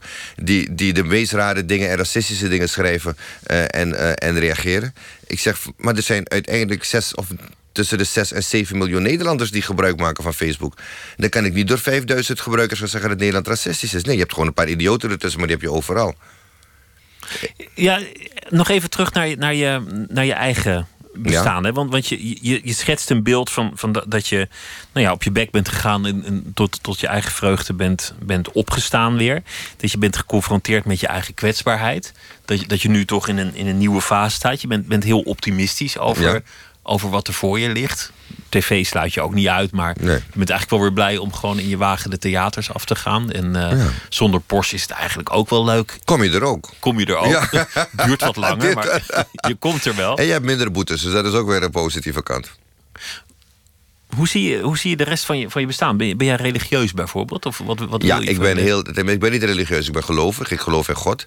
Maar ik, ben niet, ik, heb, ik heb de pest aan religie. Ik vind dat religie het geloof kapot maakt. Ehm, dat zie je gebeuren met islam, dat zie je in het christendom gebeuren. Ehm, je ziet ook dat de kerken leeglopen omdat de mensen niet meer uh, ja, zich kunnen vinden in de religieuze boodschap die er bestaat. Maar je gelooft wel in een, in een hiernama, alsof je probeert wel een, een soort absoluut. leven te leiden. Ik, nou, ik, heb, ik heb zoiets van, ik zeg van, als je kijkt naar het gewoon het pure humanisme, als je nou de Koran, de Torah of de Bijbel leest, eh, of het boeddhisme kijkt, er zijn gewoon bepaalde regels waar je als mens aan moet houden. En een van de belangrijkste regels, dat is ook mijn leefregel, is gun een ander wat je zelf ook gunt. Want daar valt of staat het bij. En als we leren om elkaar te gunnen wat we onszelf ook gunnen, nou dan gaat de wereld er heel anders uitzien. En echt geloof me, optimisme is een keus. We kunnen ons in alles een slachtoffer vinden van waarom het fout gaat. Maar er gaat zoveel goed. En als we al die dingen die goed gaan bij elkaar optellen... dan blijven we het vijfde beste en leukste land ter wereld om in te wonen. En daar geloof ik heilig in. Gun een ander wat je jezelf gunt. Mooi om uh, mee te eindigen. Jurgen Rijman, dank je wel. Leuk dat je er was. En de show, dat moet ik nog even noemen... die uh, is heden op reis en te zien in de theaters. En die heet uh, Zo, Zo kan, kan, het, ook. ook. Er is ook een website. Zo kan-het ook.nl. Mag ik even zeggen, toch? Tuurlijk, dank je wel. Alsjeblieft.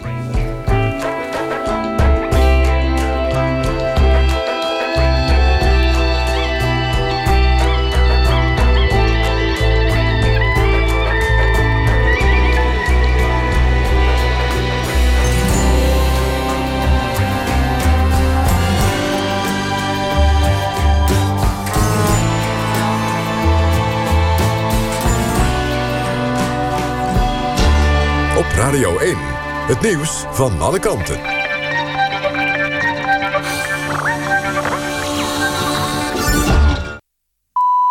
1 uur, Kirsten Klomp met het NOS-journaal.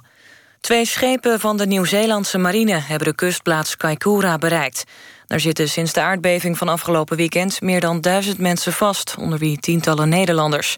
De marineschepen pikken niet alleen de gestrande mensen op, maar hebben ook eten en water aan boord. De Nederlandse toeristen die vastzitten in Kaikoura worden waarschijnlijk niet met de marineschepen geëvacueerd, maar opgehaald met een vliegtuigje. Een reisorganisatie heeft dat geregeld, omdat het erop leek dat de marineschepen pas later zouden aankomen. De Oekraïense president Poroshenko heeft met Donald Trump gebeld over de steun van Amerika aan zijn land. Poroshenko en de aankomend president van Amerika hebben in het gesprek afgesproken om elkaar binnenkort te ontmoeten.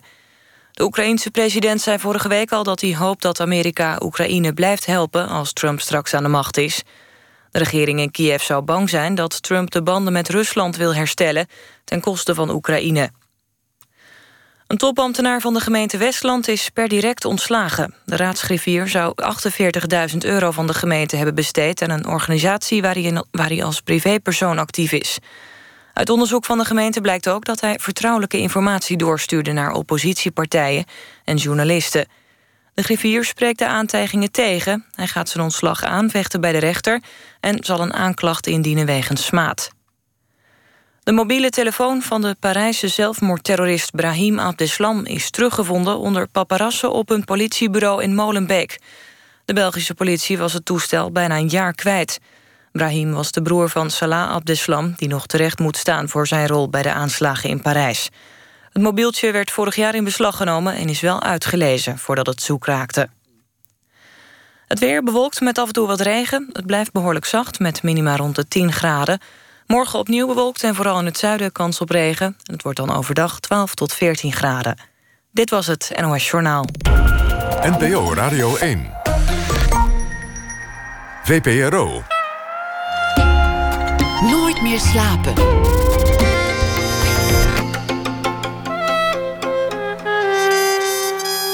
Met Pieter van der Wielen. Zometeen aandacht voor een tentoonstelling van beeldend kunstenaar Sylvia B. in het Rijksmuseum in Twente. Arno Kantelberg die komt op bezoek, hoofdredacteur van de Esquire. Hij ziet het als missie in het leven om de man wat advies te geven over de kleding. Zijn boek heet Man op zijn best. We beginnen met Thomas Heerma van Vos. Hij is schrijver en deze week zal hij elke nacht een verhaal maken bij De Voorbije Dag. Goedenacht, uh, Thomas. Goedenacht, Pieter. Vertel eens, uh, wat heeft je vandaag uh, geïnspireerd?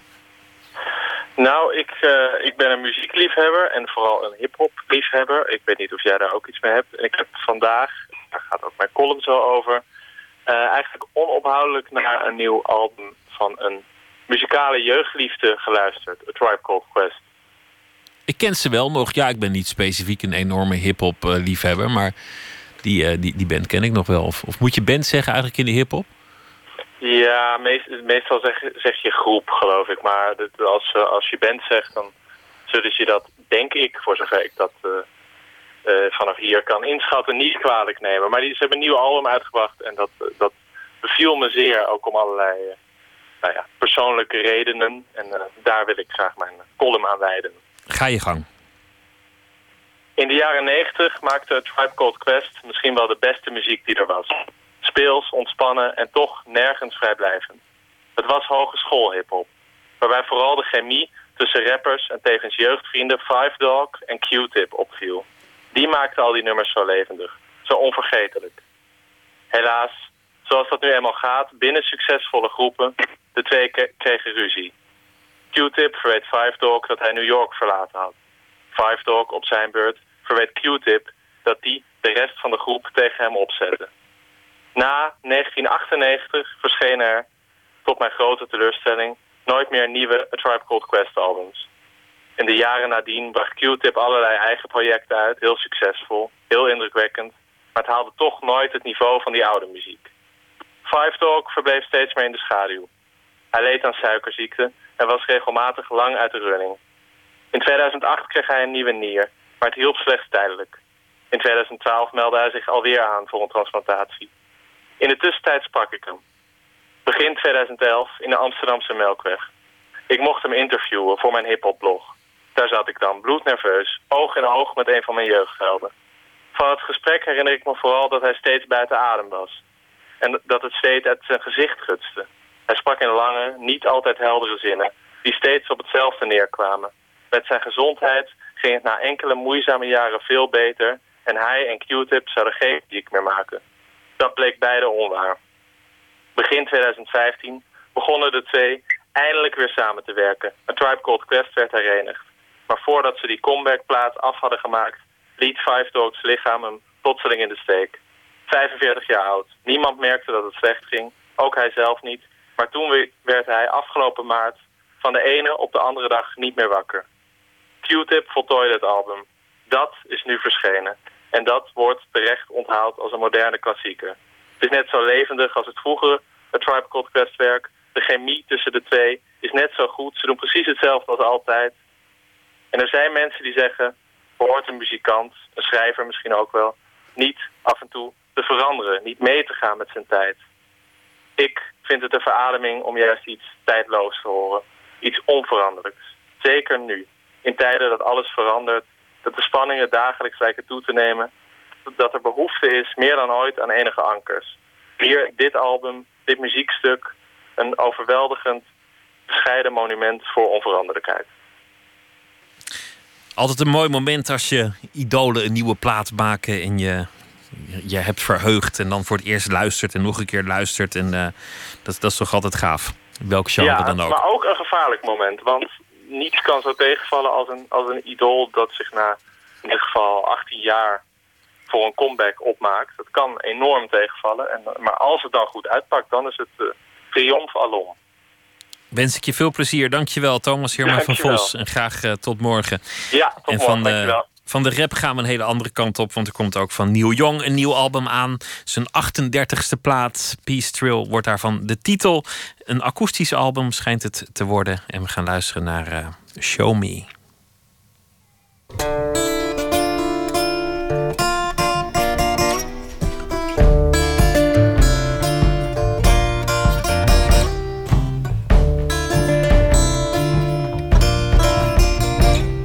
see people being led by the righteous hand.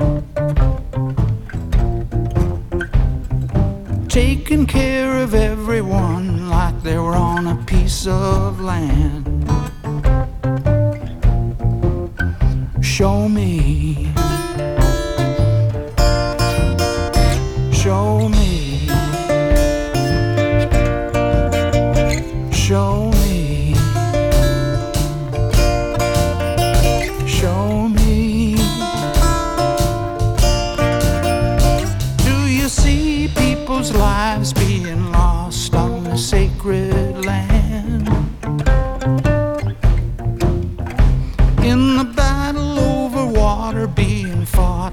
For the baby's hand. Show me.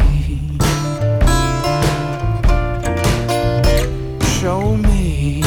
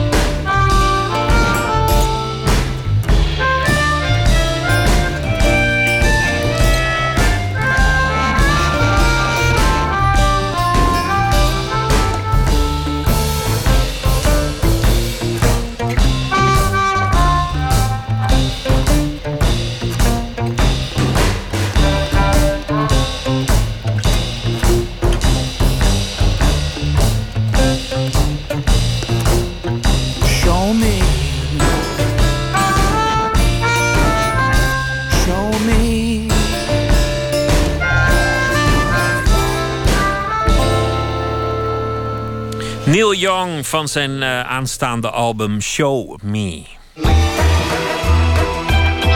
Nooit meer slapen. Kunstenaar Sylvia B. maakt bijna levensechte beelden en tekeningen van kinderen, mooie mannen, jonge meiden. Ze zijn aantrekkelijk, maar tegelijk ook afstotelijk.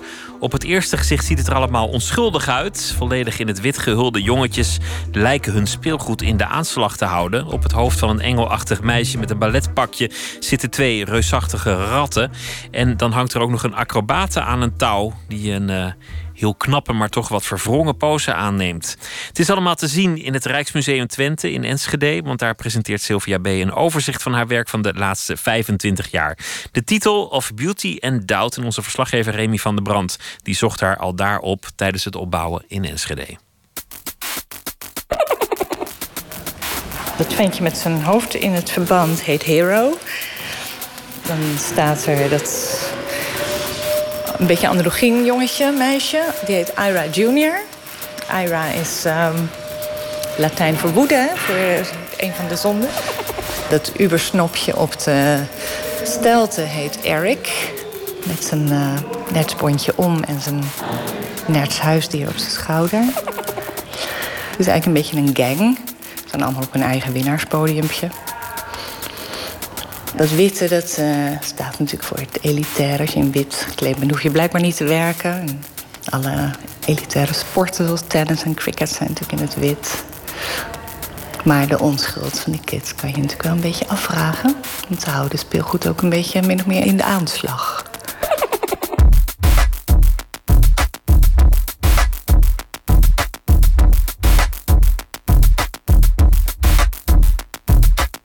Hero, Ira Jr. en Eric zijn drie van de vele creaties van kunstenaar Sylvia B. Ze staan in een volledig witte ruimte en zijn alle drie geheel in het wit gekleed. Zelfs hun popperige gezichtjes zijn wit. Maar onschuldig? Nee. Ook al lijken ze dat misschien wel op het eerste gezicht. En zo is het eigenlijk met alles wat Sylvia B. maakt.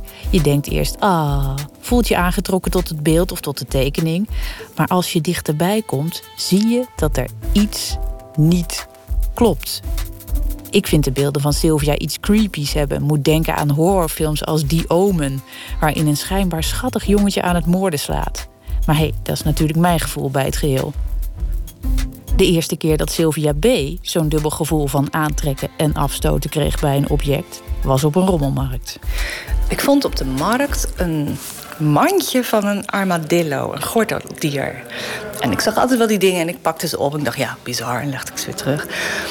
En dit mandje was zo, uh, was zo flabbergasted geworden van. Want het, uh, ik bedoel, je bent aangetrokken door de exotische beest. En een beetje afgestoten omdat het satijntje aan de binnenkant een beetje kapot is. Die zag een beetje zo viezigheid. Maar het lulligste vond ik dat zijn staart was in zijn bek gedaan bij wijze van handvat. En zijn handjes over zijn ogen gevouwen. Alsof hij het gevaar gewoon niet wou zien, zeg maar. En ik stond daar zo mee in mijn hand van... Jeez, dit ding doet gewoon wat een goed beeld moet doen. Weet je? je wordt alle kanten opgeslingerd. Je wil het hebben, maar je wil ook niet dat het bestaat. Je wilt het wel, je wilt het niet. En ik stond er zo te twijfelen. Een vriend eh, was bij me en zei, nou, ik koop het voor je. En toen ben ik ermee naar huis gegaan. heb ik dat satijntje zitten vervangen. En dacht ik, ja, wat ben ik nou helemaal aan het doen? En toen dacht ik, nou, ik ga van nu af aan gewoon alles kopen wat ik zie. Dus ik ben een paar jaar echt uh, bijna professioneel op jacht geweest... naar alle rommelmarkten in Nederland en België. En uh, ja, daar heb ik dus nu die hele grote verzameling van. Maar daardoor ben ik natuurlijk ook heel erg ingelicht geraakt... over wat we allemaal doen, zeg maar, met al die andere soorten. Terwijl ik, mijn overtuiging is, wij zijn natuurlijk ook een beest. Alleen wij zijn dat gekke kale soort. En daarom pronken we zeg maar met andermans veren. Dus uh, eigenlijk die kits die ik maak met vachtjes zijn daarna ontstaan. Om ja, ook een beetje aan te geven. Kijk, dit, dit zijn we dus eigenlijk. Wij zijn gewoon beest, alleen we staan op twee benen. En met schoenen aan en zo. En, ja, en kleding aan en zo. Ja, want anders hebben we het koud. Want we hebben niet zo'n mooi vachtje. We zijn heel lelijk en naakt. Dus ja, dat is wel eh, zeg maar de grondslag van dit beeld ook. Ze wijst naar een volledig zwart beeld in de hoek van de eveneens volledig zwarte ruimte. Het is een klein jongetje en hij heeft in zijn uh, hand een riempje en daar zit een klein lammetje aan vast. En ze zijn natuurlijk even oud. Alleen ja, hij heeft natuurlijk de macht over het lammetje, want hij is een mens. Ze hebben hetzelfde vachtje, ze zijn allebei in het zwart. Het is blijkbaar feest. Hij heeft een smoking aan. Lammetje heeft een feestmutsje op. Maar de machtsverhouding is heel duidelijk. Dus ik denk altijd... Uh, jij en ik mogen al een hele eeuw naar de stembus en naar de universiteit. We zijn blijkbaar niet te stom en te emotioneel om niet te kunnen stemmen of leren. Ik denk dat we dadelijk zo'n uh, met dieren ook krijgen. Dat we ze wel als gelijke behandelen. En niet, uh, ja, ik bedoel, zoals de bio-industrie en de vivisectie. We zijn er volgens mij nu echt een beetje doorgeschoten. Hoe mensen en dieren zich tot elkaar verhouden, hoe mensen en mensen zich tot elkaar verhouden en zich tegenover elkaar gedragen, is iets wat Sylvia B. al heel lang fascineert. Als kind al sloeg ze met aandacht het groepsgedrag en de sociale omgangsvormen gade op school en in haar familie. Ik had maar één broer, die was 12 jaar ouder. Maar, ging... maar ook echt een stuk ouder. Ja, ik had wel een beetje drie ouders. De zus van mijn moeder gingen we veel meer om. Die had ook drie kinderen en die waren ook allemaal veel ouder. Dus ik was echt de allerkleinste. Echt een Benjamina. ja, en in mijn tijd was het nog als grote mensen praten... dan houden lang oren de band dicht, hè? Dus dat deed ik ook. En ik keek gewoon omheen. En ik, eh, ja, al die tantes en die ooms op die verjaardagen... hoe dat dan altijd ging. Al die... Uh, clichématige patronen en zo. Ja, op het eind van de avond komen dan natuurlijk alle beetje lullige grapjes, seksuele grapjes. En, uh, ja, dat is sowieso, hè, mannen natuurlijk helemaal niets deden in de bediening. En ja, mijn vader de, was natuurlijk ook heel erg een machoïstische man in die zin. Hij zou een vrouw nooit een dame noemen. Dus altijd een vrouw of een mens of een uh, of een, uh, een teutenbelletje. het is gewoon heel erg die sfeer. Ja, die, uh, zij, zijn, zij waren natuurlijk gewoon heel erg uit de jaren 40, 50. Ja. Ja, maar dus wel heel duidelijk. Heel duidelijk. Ook een bepaalde machtsverhouding. Ja, ja, ja. Ja, en dat is misschien inderdaad iets waar ik gewoon altijd uh, heel erg van verbaasd ben geweest. Ik ben uh, blijkbaar uh, een, een, totaal anti-hierarchisch kind altijd geweest. En, ja, maar ook groepsgedrag op scholen. Waarom dan zo'n meisje met rood haar gepest werd. Terwijl ik dacht, nou, dat is het allermooiste meisje van de hele school. Wie heeft nog rood haar? Ja, daar werd ik altijd wel heel erg mee geconfronteerd. Maak het voor mezelf altijd behapbaar door het terug te brengen naar de natuur. Want ik denk, dit is allemaal instinctief gedrag. Bijvoorbeeld groepspesten, dat er altijd één underdog is.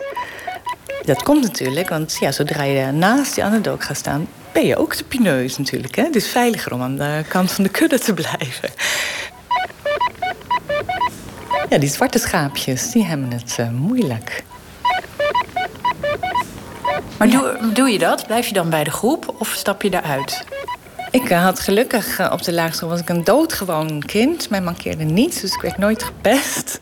Dus uh, nee, ik stapte wel bij dat roodharige meisje. Want ik vond het echt ontzettend onbegrijpelijk wat er gebeurde.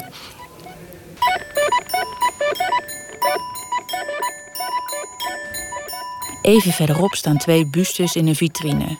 Allebei hebben ze een balletpakje aan. Maar er is ook weer iets geks. Het ene meisje heeft twee ratten op haar hoofd en de ander houdt er twee vast achter haar rug. Ja, dit zijn Lina en Luna. Dit zijn echt tienermeisjes. En uh, ja, ze moeten allemaal nog wat worden. Ze hebben allemaal ambitie, zeg maar. Maar ze zitten ook allemaal op een of andere manier gebonden. Het is zeg maar die strijd tussen het willen en het moeten. Uh, al die verwachtingen die, uh, die er uh, op je geprojecteerd worden als je groot wordt. Ja, die strijd die kent iedereen natuurlijk, toch? En die ratten? Ja, ik vond het wel mooi om zeg maar, het allerlaagste van de beschaving, hè, de, het uitschot, dat wat leeft van ons afval, te combineren met bijna het hoogste van de beschaving. Want ballerina leeft natuurlijk echt alleen maar voor de schoonheid. Om die te combineren. Want uiteindelijk ja, is een rat natuurlijk gewoon qua dier. Uh, staat hij het dichtst bij ons. Ze zijn gewoon heel erg slim. De hersenopbouw is hetzelfde en de sociale gedragingen zijn hetzelfde als uh, die van ons. Dus eigenlijk presenteer ik ze weer meer als gelijk. De hiërarchie is gewoon weg. Ze zijn allebei even mooi.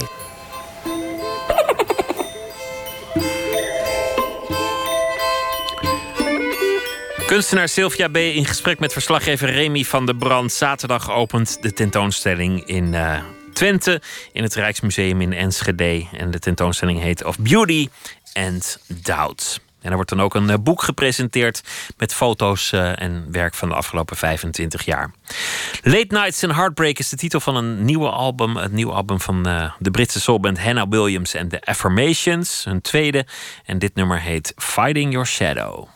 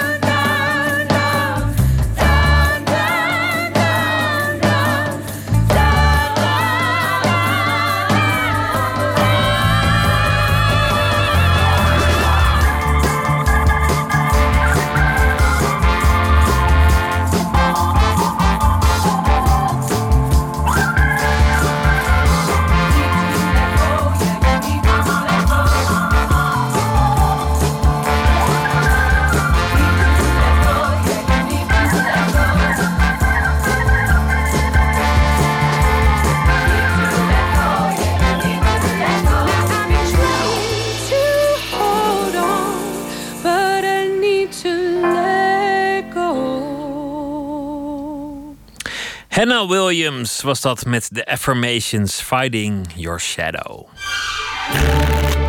Open kaart.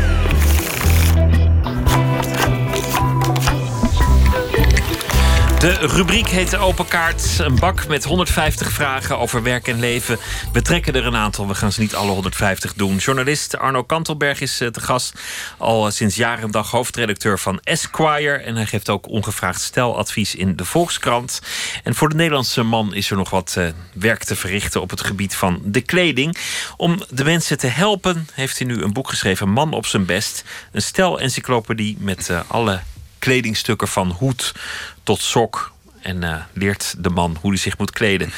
Welkom uh, Arno Kantelberg. Want Dank je. de man is uh, dolende als op, een, als op een schip zonder kompas. Als het gaat over kleding. Lichtzoekende, ja. Enigszins stuurloos geraakt door de ontwikkelingen van de tijd. er zijn veel ontwikkelingen, maar ehm, een belangrijke in mijn optiek is dat de man, de, de jongen, heeft zijn vader niet meer als mentor op het terrein van de kleding. Dat is door die bevrijdingsbeweging in de jaren 60, 70, met name een beetje in de jaren 80, eh, is dat ontstaan. Alle regels zijn weggevallen, er zijn geen regels meer. Wat prachtig is. Maar dat heeft wel een beetje gemaakt dat, dat die man, ook nog eens met twee emancipatiegolven, een beetje zoekend is geraakt. Ja. Vroeger droeg je als kind een korte broek en, uh, en sandalen. En dan uh, op een gegeven moment. En een pet. Zei je, zei je vader: Nu is het tijd om een pak te gaan dragen. En die legde ja. je dan ook uit hoe je, hoe je een das moest knopen. En ja. hoe lang je mouw moest zijn en zo. Nou, dat bijvoorbeeld. Het, het, het stroppen van een das. Wat, wat niet zo heel ingewikkeld is. Maar goed, het, daar zitten wel kneepjes, letterlijk kneepjes aan, aan dat vak. Nou, zouden we nou nog veel zoons dat leren van hun vader? Dat, dat denk ik eigenlijk niet. Dat denk ik eigenlijk niet. Um, dus dan, uh, ben, dan ben ik daar voor een uh, licht helpende hand. Welke, welke geschiedenis heb je zelf achter de rug wat betreft je kleding? Wie heeft het jou geleerd en wanneer ben je jezelf uh, met, met, aandacht gaan kleden? Um, nou, dat is op. Nou, ik ben autodidact. Ik ben opgegroeid in, in een klein dorpje in Brabant. Hartstikke leuk dorp, was Gemert. Daar was. Ehm, kleding had daar niet de hoogste prioriteit, laat ik het daarop houden. Maar goed, ik ben ook als jonge jongen waren wij natuurlijk wel allemaal mee bezig. Maar ja, god, die, die, in dat dorp was kleding ook wel, heel ver weg. Hippe winkels als toen, als Cool Cat of uh, later Mac Maggie. Daar moest, daar moest ik wel een eind voor fietsen. Dus er was wel een, een brug om te, waar ik echt, of een brug, er was wel een kloof die ik moest overwinnen. En hoe heb je het dan geleerd? Want, want in de rubriek in de Volkskrant bijvoorbeeld schrijf je uh, advies vaak uitgaan van een soort, soort etiketten. Op een rode loper horen zwarte schoenen. Dat moet je maar net weten. Nou, vaak, um, ja. Soms zijn regels een beetje flauw, maar vaak hebben ze wel, zijn ze wel ingebed in een, in een zekere nou ja, logica. Nou, die rode loper, neem bijvoorbeeld black tie, de, de uh, smoking. Um, daar wordt, daar willen met name uh, in Nederland willen mensen daar graag variëren met een uh, rode smoking of een uh, lichtblauwe smurvenkleur of iets dergelijks. Maar het idee daarachter is dat de smoking zwart is, zodat alle aandacht naar de dame aan jouw zijde gaat. Die, die, de spotlights staan op haar. Als het goed is, die zijn lang, want het is black tie, gala. en die moet alle aandacht krijgen. niet jij met je rode smoking. Uh, dus er zit wel ook, daar zit vaak, niet altijd over zo, maar er zit wel vaak ook wel een gedachte achter. Uh, het is ook een, bijna ambachtelijk op een bepaalde manier. Hoe ver ga je zelf inmiddels? Laat je je pakken maken in, in Milaan of in Londen? Of, uh, of, of heb je andere, andere nou, decadente in, ja, nou, ja, ja, ja, ik doe bijna nee, in Napels. niet standaard, want dat kan Bruinen niet trekken. En, en, maar ik heb wel een, een, een kleermaker ja, in, in, gewoon in Amsterdam. Alles op maat is toch, toch net iets mooier dan confectie. Uh, ja, maar het is ook vaak maatconfectie. En daar zit, uh, dat is een, uh, wel een uitkomst, vind ik. Vooral een budgettaire uitkomst. Dus maatconfectie zijn gewoon confectiepakken, jasjes dan in dit geval. En die worden zo vermaakt dat ze als een, nou ja, goed, als een handschoen om je hand passen, dus dan om jouw lichaam passen. Dat is maatconfectie en dat is echt veel goedkoper dan, dan, dan echt handwerk, maatwerk. Uh, wat ik ook wel heb, maar daar moet ik echt heel, moet ik flink voorbij snabbelen om dat te betalen. Zijn mensen bang voor je als je op zo'n evenement zelf rondloopt? Want, want je, je haalt natuurlijk alles gewoon uit een fotodatabank. Dat, dat ja. snap ik ook wel. Maar ja. in, inmiddels, als je dan rondloopt op een, een boekenbal of andere gelegenheid, of een filmgala of weet ik waar je komt, dan, dan moeten mensen toch ook een beetje van je schrikken. Nou, schrikken weet ik niet, maar ik heb, dat, dat, zover zal het niet gaan. Maar uh, ik, ik, heb, ik merk wel dat er soms, als ze dan figureren in die rubriek in de Volkskrant... en, en het is positief dat er een enorme opluchting uh, over ze neerdaalt. Dat, uh, dat, dat merk ik wel eens. Nee, ik zie wel. mensen doen wel meer hun, hun best als, merk ik, als ze bijvoorbeeld een, een, een, een, een ontmoeting met mij hebben... of ik, ik kom bij ze langs. Dat, dat merk ik wel. Maar goed, ik loop echt niet als een stijl Taliban dit land door... en, en om iedereen bij de knie af te zagen. Dat is nou ook wel niet zo. Maar goed, ik doe ook beter mijn best sinds ik die rubriek heb. Uh, dus ik ben ook strenger voor mezelf geworden. Niet altijd een uh, spijkerbroek aan en een uh, pluizige trui. En nou ja. ja. Laten we beginnen met ehm, de vragen. Hier is de bak. Ik wil je vragen ja. om elkaar te trekken en de vraag voor te lezen. Ja. Wat is het grootste offer dat je voor je werk bracht? Dat je voor je werk bracht.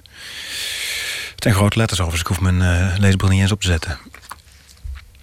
Uh, nou, ik heb een ik ben, zoals je al zei, hoofdredacteur van Esquire. Ik heb een tijd lang dat zelf uitgegeven met een klein uitgeverijtje.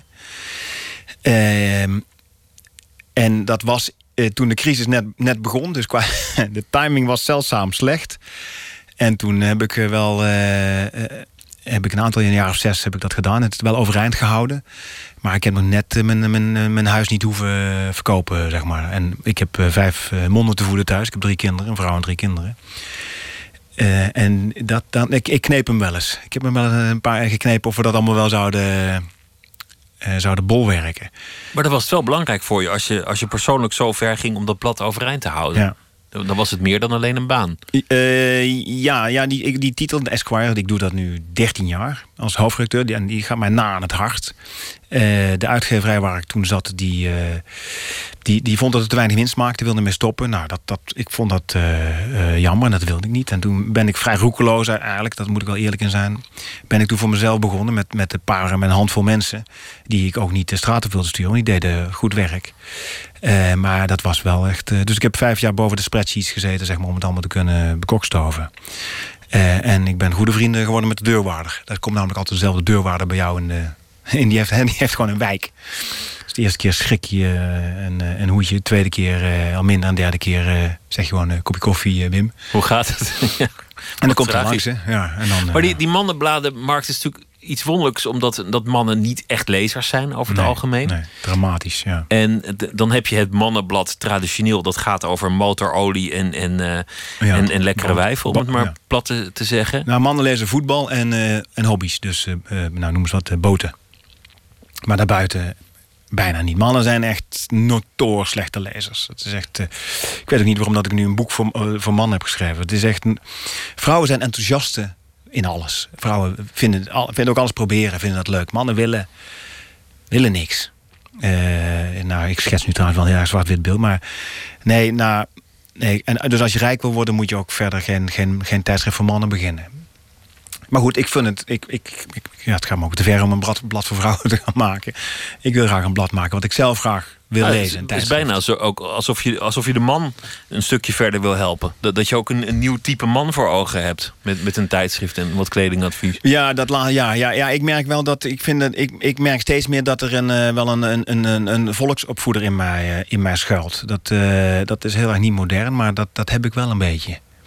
Ouderwets socialistisch, ja. Het volk, het volk enigszins verheffen. Ja. Laten we nog een kaart trekken. Mm Oeh, ja, ja, Pieter, ja. Wat is je uh, grote ondeugd? Is dat hetzelfde als je grootste ondeugd? Um,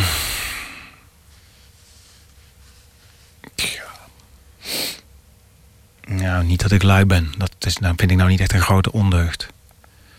Ben je ook niet, volgens mij? Jawel, jawel. Als, als rechtgaande Brabander... Uh, nou, een kleine ondeugd, maar dat wil je niet. Ik moet een andere hebben, is dat ik standaard altijd te laat kom. Dat is een hele kleine ondeugd. Altijd dat Brabants kwartiertje. Hè? Surinaams kwartiertje, zeg maar, vrouw. Nou, ik... Uh, grote ondeugd. Mag ik hem niet even parkeren dat ik hem even zo meteen... Ja, dat is goed. Doen we, doen we nog geen. Kan je nadenken over... Pak jij er eentje? Eens even kijken, wat staat hier? Hoe ver reiken je ambities? Ah ja, uh, buitengewoon uh, niet ver. En dat is absoluut geen valse bescheidenheid. Ik heb tussen mijn, eens even kijken, tussen mijn 28ste en mijn 32ste volgens mij vier banen gehad. Bij vier tijdschriften gewerkt. Ook nog bij de Omroep, bij de VARA. Was trouwens hartstikke leuk. En ik, ik hopte van de ene baan naar de andere baan. Echt, echt, echt uit opportunisme. Dus echt ook uh, ijskoude, ijskoude ambitie om verder te komen, om meer, meer te verdienen ook trouwens. Om een hogere positie, hè, van adjunct hoofdrecteur naar hoofdrecteur, et cetera. En um, ik merk de laatste jaren dat ik eigenlijk heel weinig ambitie heb. Mijn, mijn grootste ambitie is dat ik, uh, dat ik het vooral echt, nou ja, dat ik het een beetje leuk heb. Ik, uh, ik was ook niet van plan om een ander tijdschrift over te gaan stappen of hoofdredacteur van de Volkskrant te gaan worden. Maar ze mogen niet, daar zitten ze ook niet op me te wachten. Maar ehm, ik, ik heb hooguit ambitie om het, uh, uh, om het goed te doen voor, voor, voor mijn kinderen. Uh, dat is een heel persoonlijke ambitie. Dat voel ik wel. Maar professioneel heb ik eigenlijk, behalve dat ik, dat ik een beetje wil schrijven en een blaadje wil maken, eigenlijk vrij weinig ambitie. En in materieel opzicht ben je dan ook niet, niet heel eh, behoeftig? Toch wel. Aha, in die dan zijn we bij de ondeugd. Ja. Nou ja, misschien. Ik zat daar net wel een beetje aan. de- Ik ben een klassieke parvenu. Ik, ik, ik heb een hele grote auto. Veel te groot. eh, die ook veel te duur is en veel te slecht voor het milieu. Ehm, en eh, eh, ehm, ja. Kijk, ik heb een. en nou heb ik een groot huis. Ja, ook nog wel een groot huis, denk ik, ja. Ja, relatief groot huis. Maar ik kom uit een bijstandsgezin. En eh, eh, overigens heb ik geen. Bij in Nederland leeft natuurlijk niemand in armoede. Ehm, dat, is een, eh, dat is ook niet zo. Maar goed, ik heb mijn jeugd wel in. eh, laat ik zeggen, relatieve soberheid doorgebracht. Hè. Eh, wij fietsten één keer eh, per jaar eh, naar, het, eh, naar, naar de grote stad om mijn winterjas te halen. En één keer naar, en, en een half jaar later om mijn zomerjas te halen. Mijn moeder met mijn broer en ik. Eh, en wij hadden verder heel weinig geld. Mijn moeder was een eh, vrouw alleen. Eh, als gezegd, met een bijstandsuitkering. Poetste een beetje bij. Bij de eigenaren van de snackbar in het dorp. Hele onaardige mensen overigens. Ik heb daar een, eh, een zwak voor poetsvrouwen en mannen over. Schoonmakers over gehouden. Daar ben, daar ben ik altijd eh, de dikste vrienden mee. Waar ging ik ook al heen? Ah ja, dus in, ehm, ik vond het echt, toen ik uiteindelijk ging werken en kijk in de journalistiek, enfin, dat hoef ik jou ook niet te vertellen, verdien je niet zo heel veel geld, maar uiteindelijk, uiteindelijk, uiteindelijk, uiteindelijk toch nog wel een beetje. En als je, zoals ik ook eh, eh, eh, vrij veel werkt, dan ook nog best wel veel. Ja, dat wil ik dan ook wel stuk slaan. Bijvoorbeeld in de vorm van zo'n grote auto. Dat was je vraag, hè? materiële Ja, ambitie. de, ja, de, de, de Ja. ondeugd. En, en dat is dan misschien die grote auto, dat dat een soort ondeugd is. Nou ja, je weet zelf ook dat je niet echt gelukkig wordt. Je, bent, je hebt dan die grote auto, dan ben je drie dagen gelukkig omdat je in zo'n dikke bak rijdt. En daarna dan, dan ben je alweer gestrest omdat je in de file staat. Nou, ik rijd er al nu een half jaar. Het is een Land Rover Discovery. Nee, bijna een jaar. Land, nee, bijna een jaar. Land Rover Discovery. En ik, nou, ik, ik rijd nog elke avond... eh, ik zal niet zeggen met een erectie zit ik erin... maar het komt wel dichtbij in de buurt. Dus ik heb dat niet aan drie dagen. Ik, ik vind het fantastisch. Ik poets hem ook heel vaak. Voor de deur, dat iedereen kan zien. Oh, wat heerlijk. Wat Ja, goed. Ik vind het ook leuk om te poetsen. Over. Het boek heet eh, Man op zijn best en dat gaat over het, eh, het goede pak. En eh, een, boek over de auto komt vast ook nog wel een keer. Arno Kantelberg, dankjewel. Graag gedaan. Donderdag 17 november dan speelt de Noorse zanger Sievert Hoyem in Paradiso in Amsterdam. Hij was ooit voorman van de band Magrogada. Dat was een zeer beroemde band uit Noorwegen, nota bene. Maar nu doet hij het al een tijdje met zichzelf. We gaan luisteren naar The Light That Falls Amongst the Trees.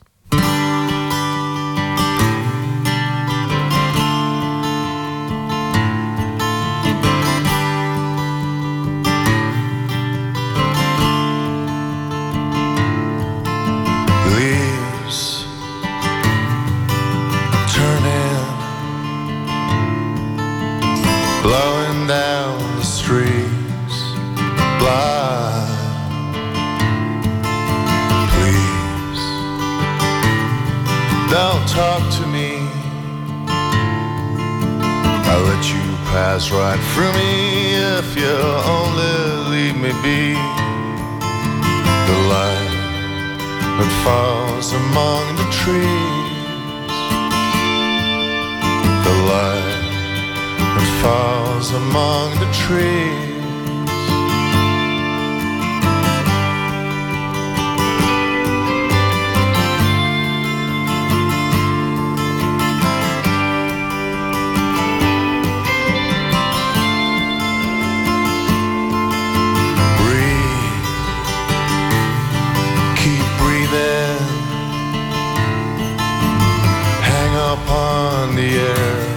Like free.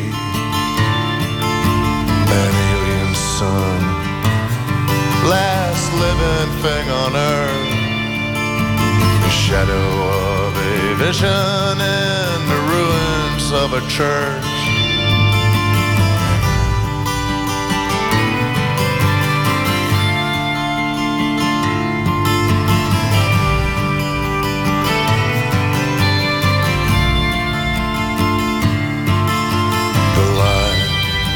that falls among the trees. The light that falls among the trees. Light trees. The light that falls among the trees. Sleeping for a while in the burning sand waking up sleeping in a foreign land.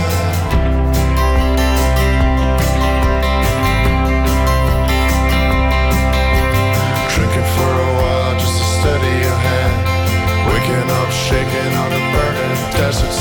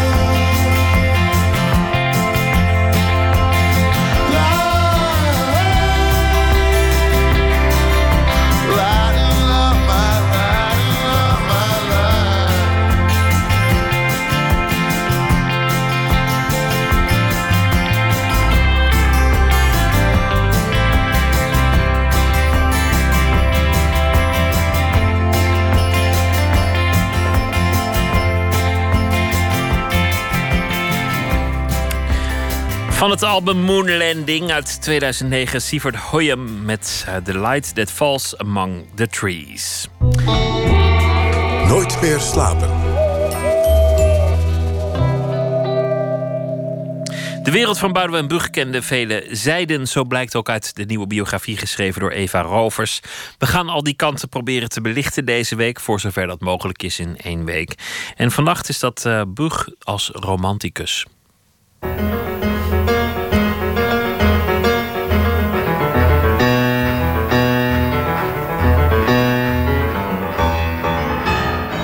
Dit is Keut. En hier ben ik nou een fan van. Dus mensen zeggen hè, van... Ja, een fan, een fan is een soort popartiest. Ja, ik begrijp heel goed wat mensen voelen voor Take That. Dat heb ik nou met deze Geut. Ik heb over twee dingen veel verzameld. Over reizen en over Geut. En eh, ja, ik sta hier in mijn particuliere Goethe-bibliotheek. En deze hele wand, het gaat om duizenden boeken... dit zijn allemaal boeken over Goethe. Ik zou dolgraag met Goethe hebben willen praten.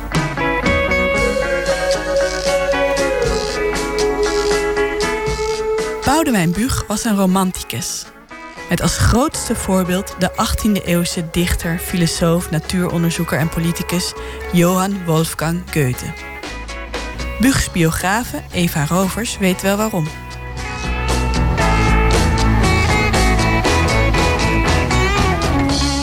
Het bekendste boek van Goethe is natuurlijk eh, Het lijden van de jonge Weerter. En dat heeft Bug altijd ontzettend aangegrepen. De, de, de onmogelijke liefde en de tragische liefde van de jongen die zijn grote liefde niet kan krijgen en uiteindelijk zelfmoord pleegt. Dat verhaal alleen, het tragische, het onbereikbare, dat, dat vond hij prachtig. Het was echt een hele romantische ziel wat dat betreft. Gisteren bespraken we al hoe Bug feit en fictie door elkaar liet lopen in zijn boeken en leven. Goethe was daarvoor een grote inspiratiebron. De ontvangst van het lijden van de jonge Werther, dat was eh, dat in één keer heel Europa erover speculeerde of die jongen misschien niet Goethe zelf was. En dat heeft ongelooflijk bijgedragen aan de populariteit van dat boek. En daar is het autobiografische gehalte, dat is altijd onderwerp geweest van die populariteit. Ging het niet over Goethe zelf. En Bug heeft dat heel erg goed begrepen. Goethe heeft dat ook altijd in stand gehouden. Die heeft ook altijd uh, daar nooit uitsluitsel over gegeven. En de ene keer suggereerd dat het wel zo was, de andere keer niet. En dat heeft Bug... Uh, ja, hij is een soort tovenaarsleerling wat dat betreft. Hij heeft heel goed gekeken, heel goed gezien... hoe Goethe zo'n persoonlijkheidscultus om zich heen creëerde. En dat, ja, dat was een beetje zijn ambitie. Als tiener maakte Boudewijn Buug van zichzelf al een romantische held. Hij schrijft zijn dagboeken zo waardoor het lijkt alsof hij een heel tragisch leven heeft. Een van de, van de onderwerpen in die tijd is uh, dat hij op jongetjes zou vallen. Dus dat hij pedofiel zou zijn. Uh, dan is hij een jaar of 19, 20, zeg maar. Dat is ergens uh, eind jaren 60, begin jaren 70.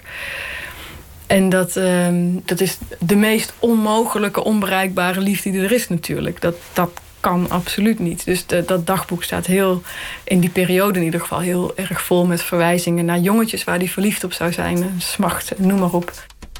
Volgens Rovers was zijn vermeende pedofilie niet erotisch geladen. Hij mat zichzelf het lot van een pedofiel aan. Een paria, want dan begrepen de mensen wel dat hij niet zomaar een beetje eenzaam was, maar leed aan het leven. Dus hij maakt op die manier van zichzelf een, een heel tragische uh, hoofdfiguur. De zwarte romantiek, die bewonderde hij bijzonder. En dat zie je in zijn dagboek heel sterk terugkomen.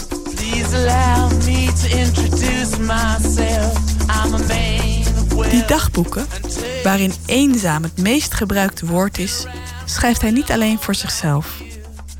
Hij schrijft een aantal keer in zijn dagboek uh, opmerkingen als... Uh, mijn toekomstige tekstediteur moet dit maar weglaten. Nou, als je dat op je achttiende opschrijft en je hebt nog niets gepubliceerd... dan ben je er dus buitengewoon van bewust dat je een dagboek schrijft... waarvan je hoopt dat het ooit gelezen, gepubliceerd, et cetera, gaat worden.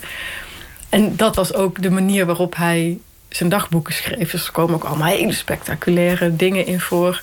Hele chockerende dingen. Um, en hij schrijft dat echt voor een toekomstig publiek. En dat is allemaal die persoonlijkheidscultus. Dat is allemaal hopen dat later een biograaf dat gaat lezen... en dat er braaf gaat overschrijven. Ja, dat is natuurlijk ontzettend grappig. Tenminste, ja, ik, ik moest er heel erg om lachen. Ik dacht natuurlijk af en toe, nou meneer Bug, dat bepaal ik zelf wel. Maar ook hier gaan feit en fictie steeds meer door elkaar lopen. Met zijn verhalen stoot hij steeds meer mensen van zich af. Je ziet dat die eenzaamheid, wat ooit dus alleen maar als een soort constructie begonnen is, die wordt steeds meer werkelijkheid. En dat wordt steeds meer zijn leven. En in die latere dagboeken, als hij dan, ja, dan nou, als hij nauwelijks nog vrienden om zich heen heeft. Uh, uh, als een programma gestopt is en hij nou ja, alleen nog maar eens een eentje kan reizen. Um, of gedwongen is om alleen te reizen. Dan, ja, dan de eenzaamheid was af en toe tastbaar. Het was ook af en toe wel um, heel uh, ja, schrijnend om te lezen. Dat je ziet dat hij langzaamaan begint te beseffen dat die eenzaamheid die hij vroeger zo gecultiveerd heeft, dat dat werkelijkheid is geworden. En dat hij daar nu daadwerkelijk niet meer aan kan ontsnappen. Dat dat zijn leven is. Dat hij bepaalde vrienden mist en weet dat dat niet meer goed gaat komen. Uh, hij mist zijn programma, hij mist zijn, uh, zijn ex-vriendin. en hij weet het is allemaal klaar. Dat, ja, dat, dus hij is eigenlijk de tragische held geworden... die hij in principe alleen op papier had willen zijn. Um, en hij zat in dat prachtige grachtenpand vol met boeken. Maar ja, zoveel boeken als hij had, zoveel vrienden was hij zo'n beetje kwijtgeraakt.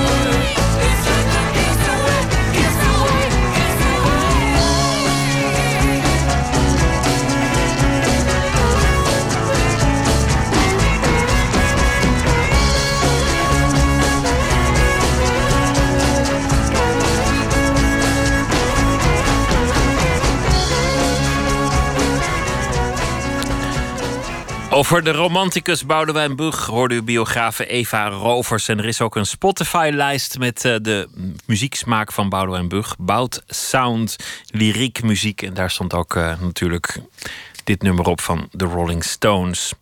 Op Spotify heb je ook heel veel um, lijsten voor mensen die willen ontspannen. De stressvrije relax playlist, zeg maar. En daar zal je dan uh, hoogstwaarschijnlijk ook de volgende artiest op vinden. Benjamin Francis Letwig. Groeide op in Australië, heeft twee albums. En hij staat altijd hoog in de relax-lijsten van Spotify. Ook de nieuwe single Super, Eight, Super 8 Eyes.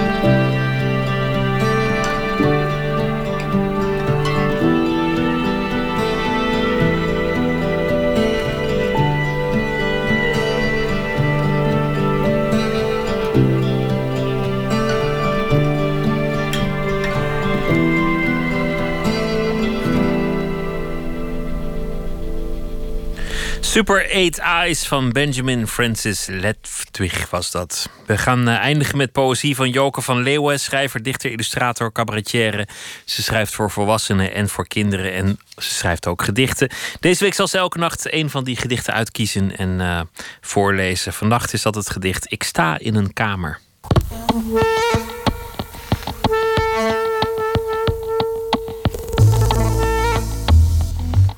Zei ze. Zij ze hadden we nieuwe ontferming besteld wij. Ze zouden die brengen, de nieuwe ontferming, op vrijdag. Zeggen ze vrijdag, kan het op zaterdag? Zeggen we ja, maar dan wel in de morgen. Zeggen ze gaat niet, dat gaat niet de morgen.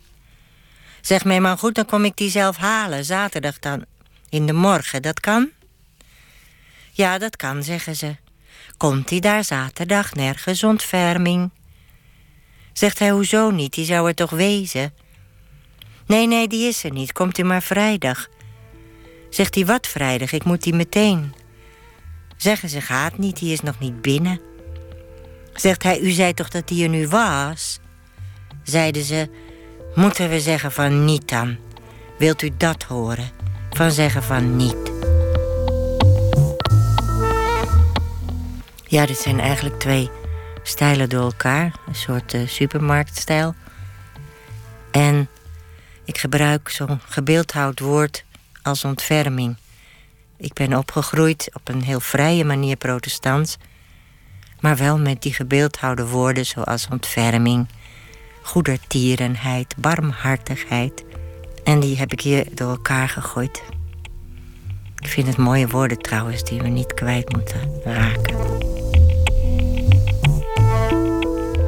Zij ze.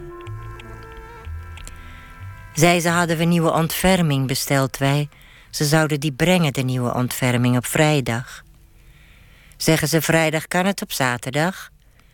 Zeggen we ja, maar dan wel in de morgen. Zeggen ze gaat niet, dat gaat niet de morgen. Zeg mij maar goed, dan kom ik die zelf halen. Zaterdag dan in de morgen, dat kan? Ja, dat kan, zeggen ze. Komt hij daar zaterdag nergens ontferming?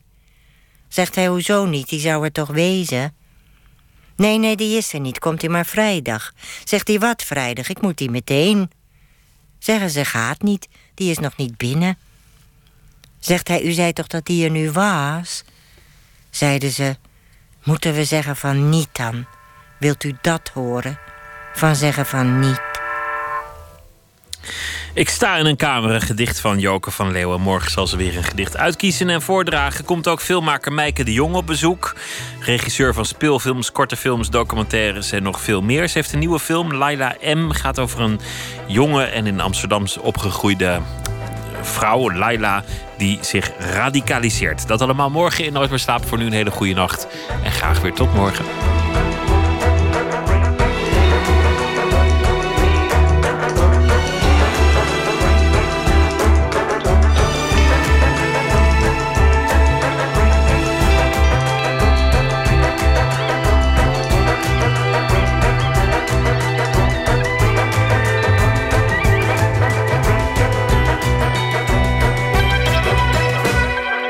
Radio 1. Het nieuws van alle kanten.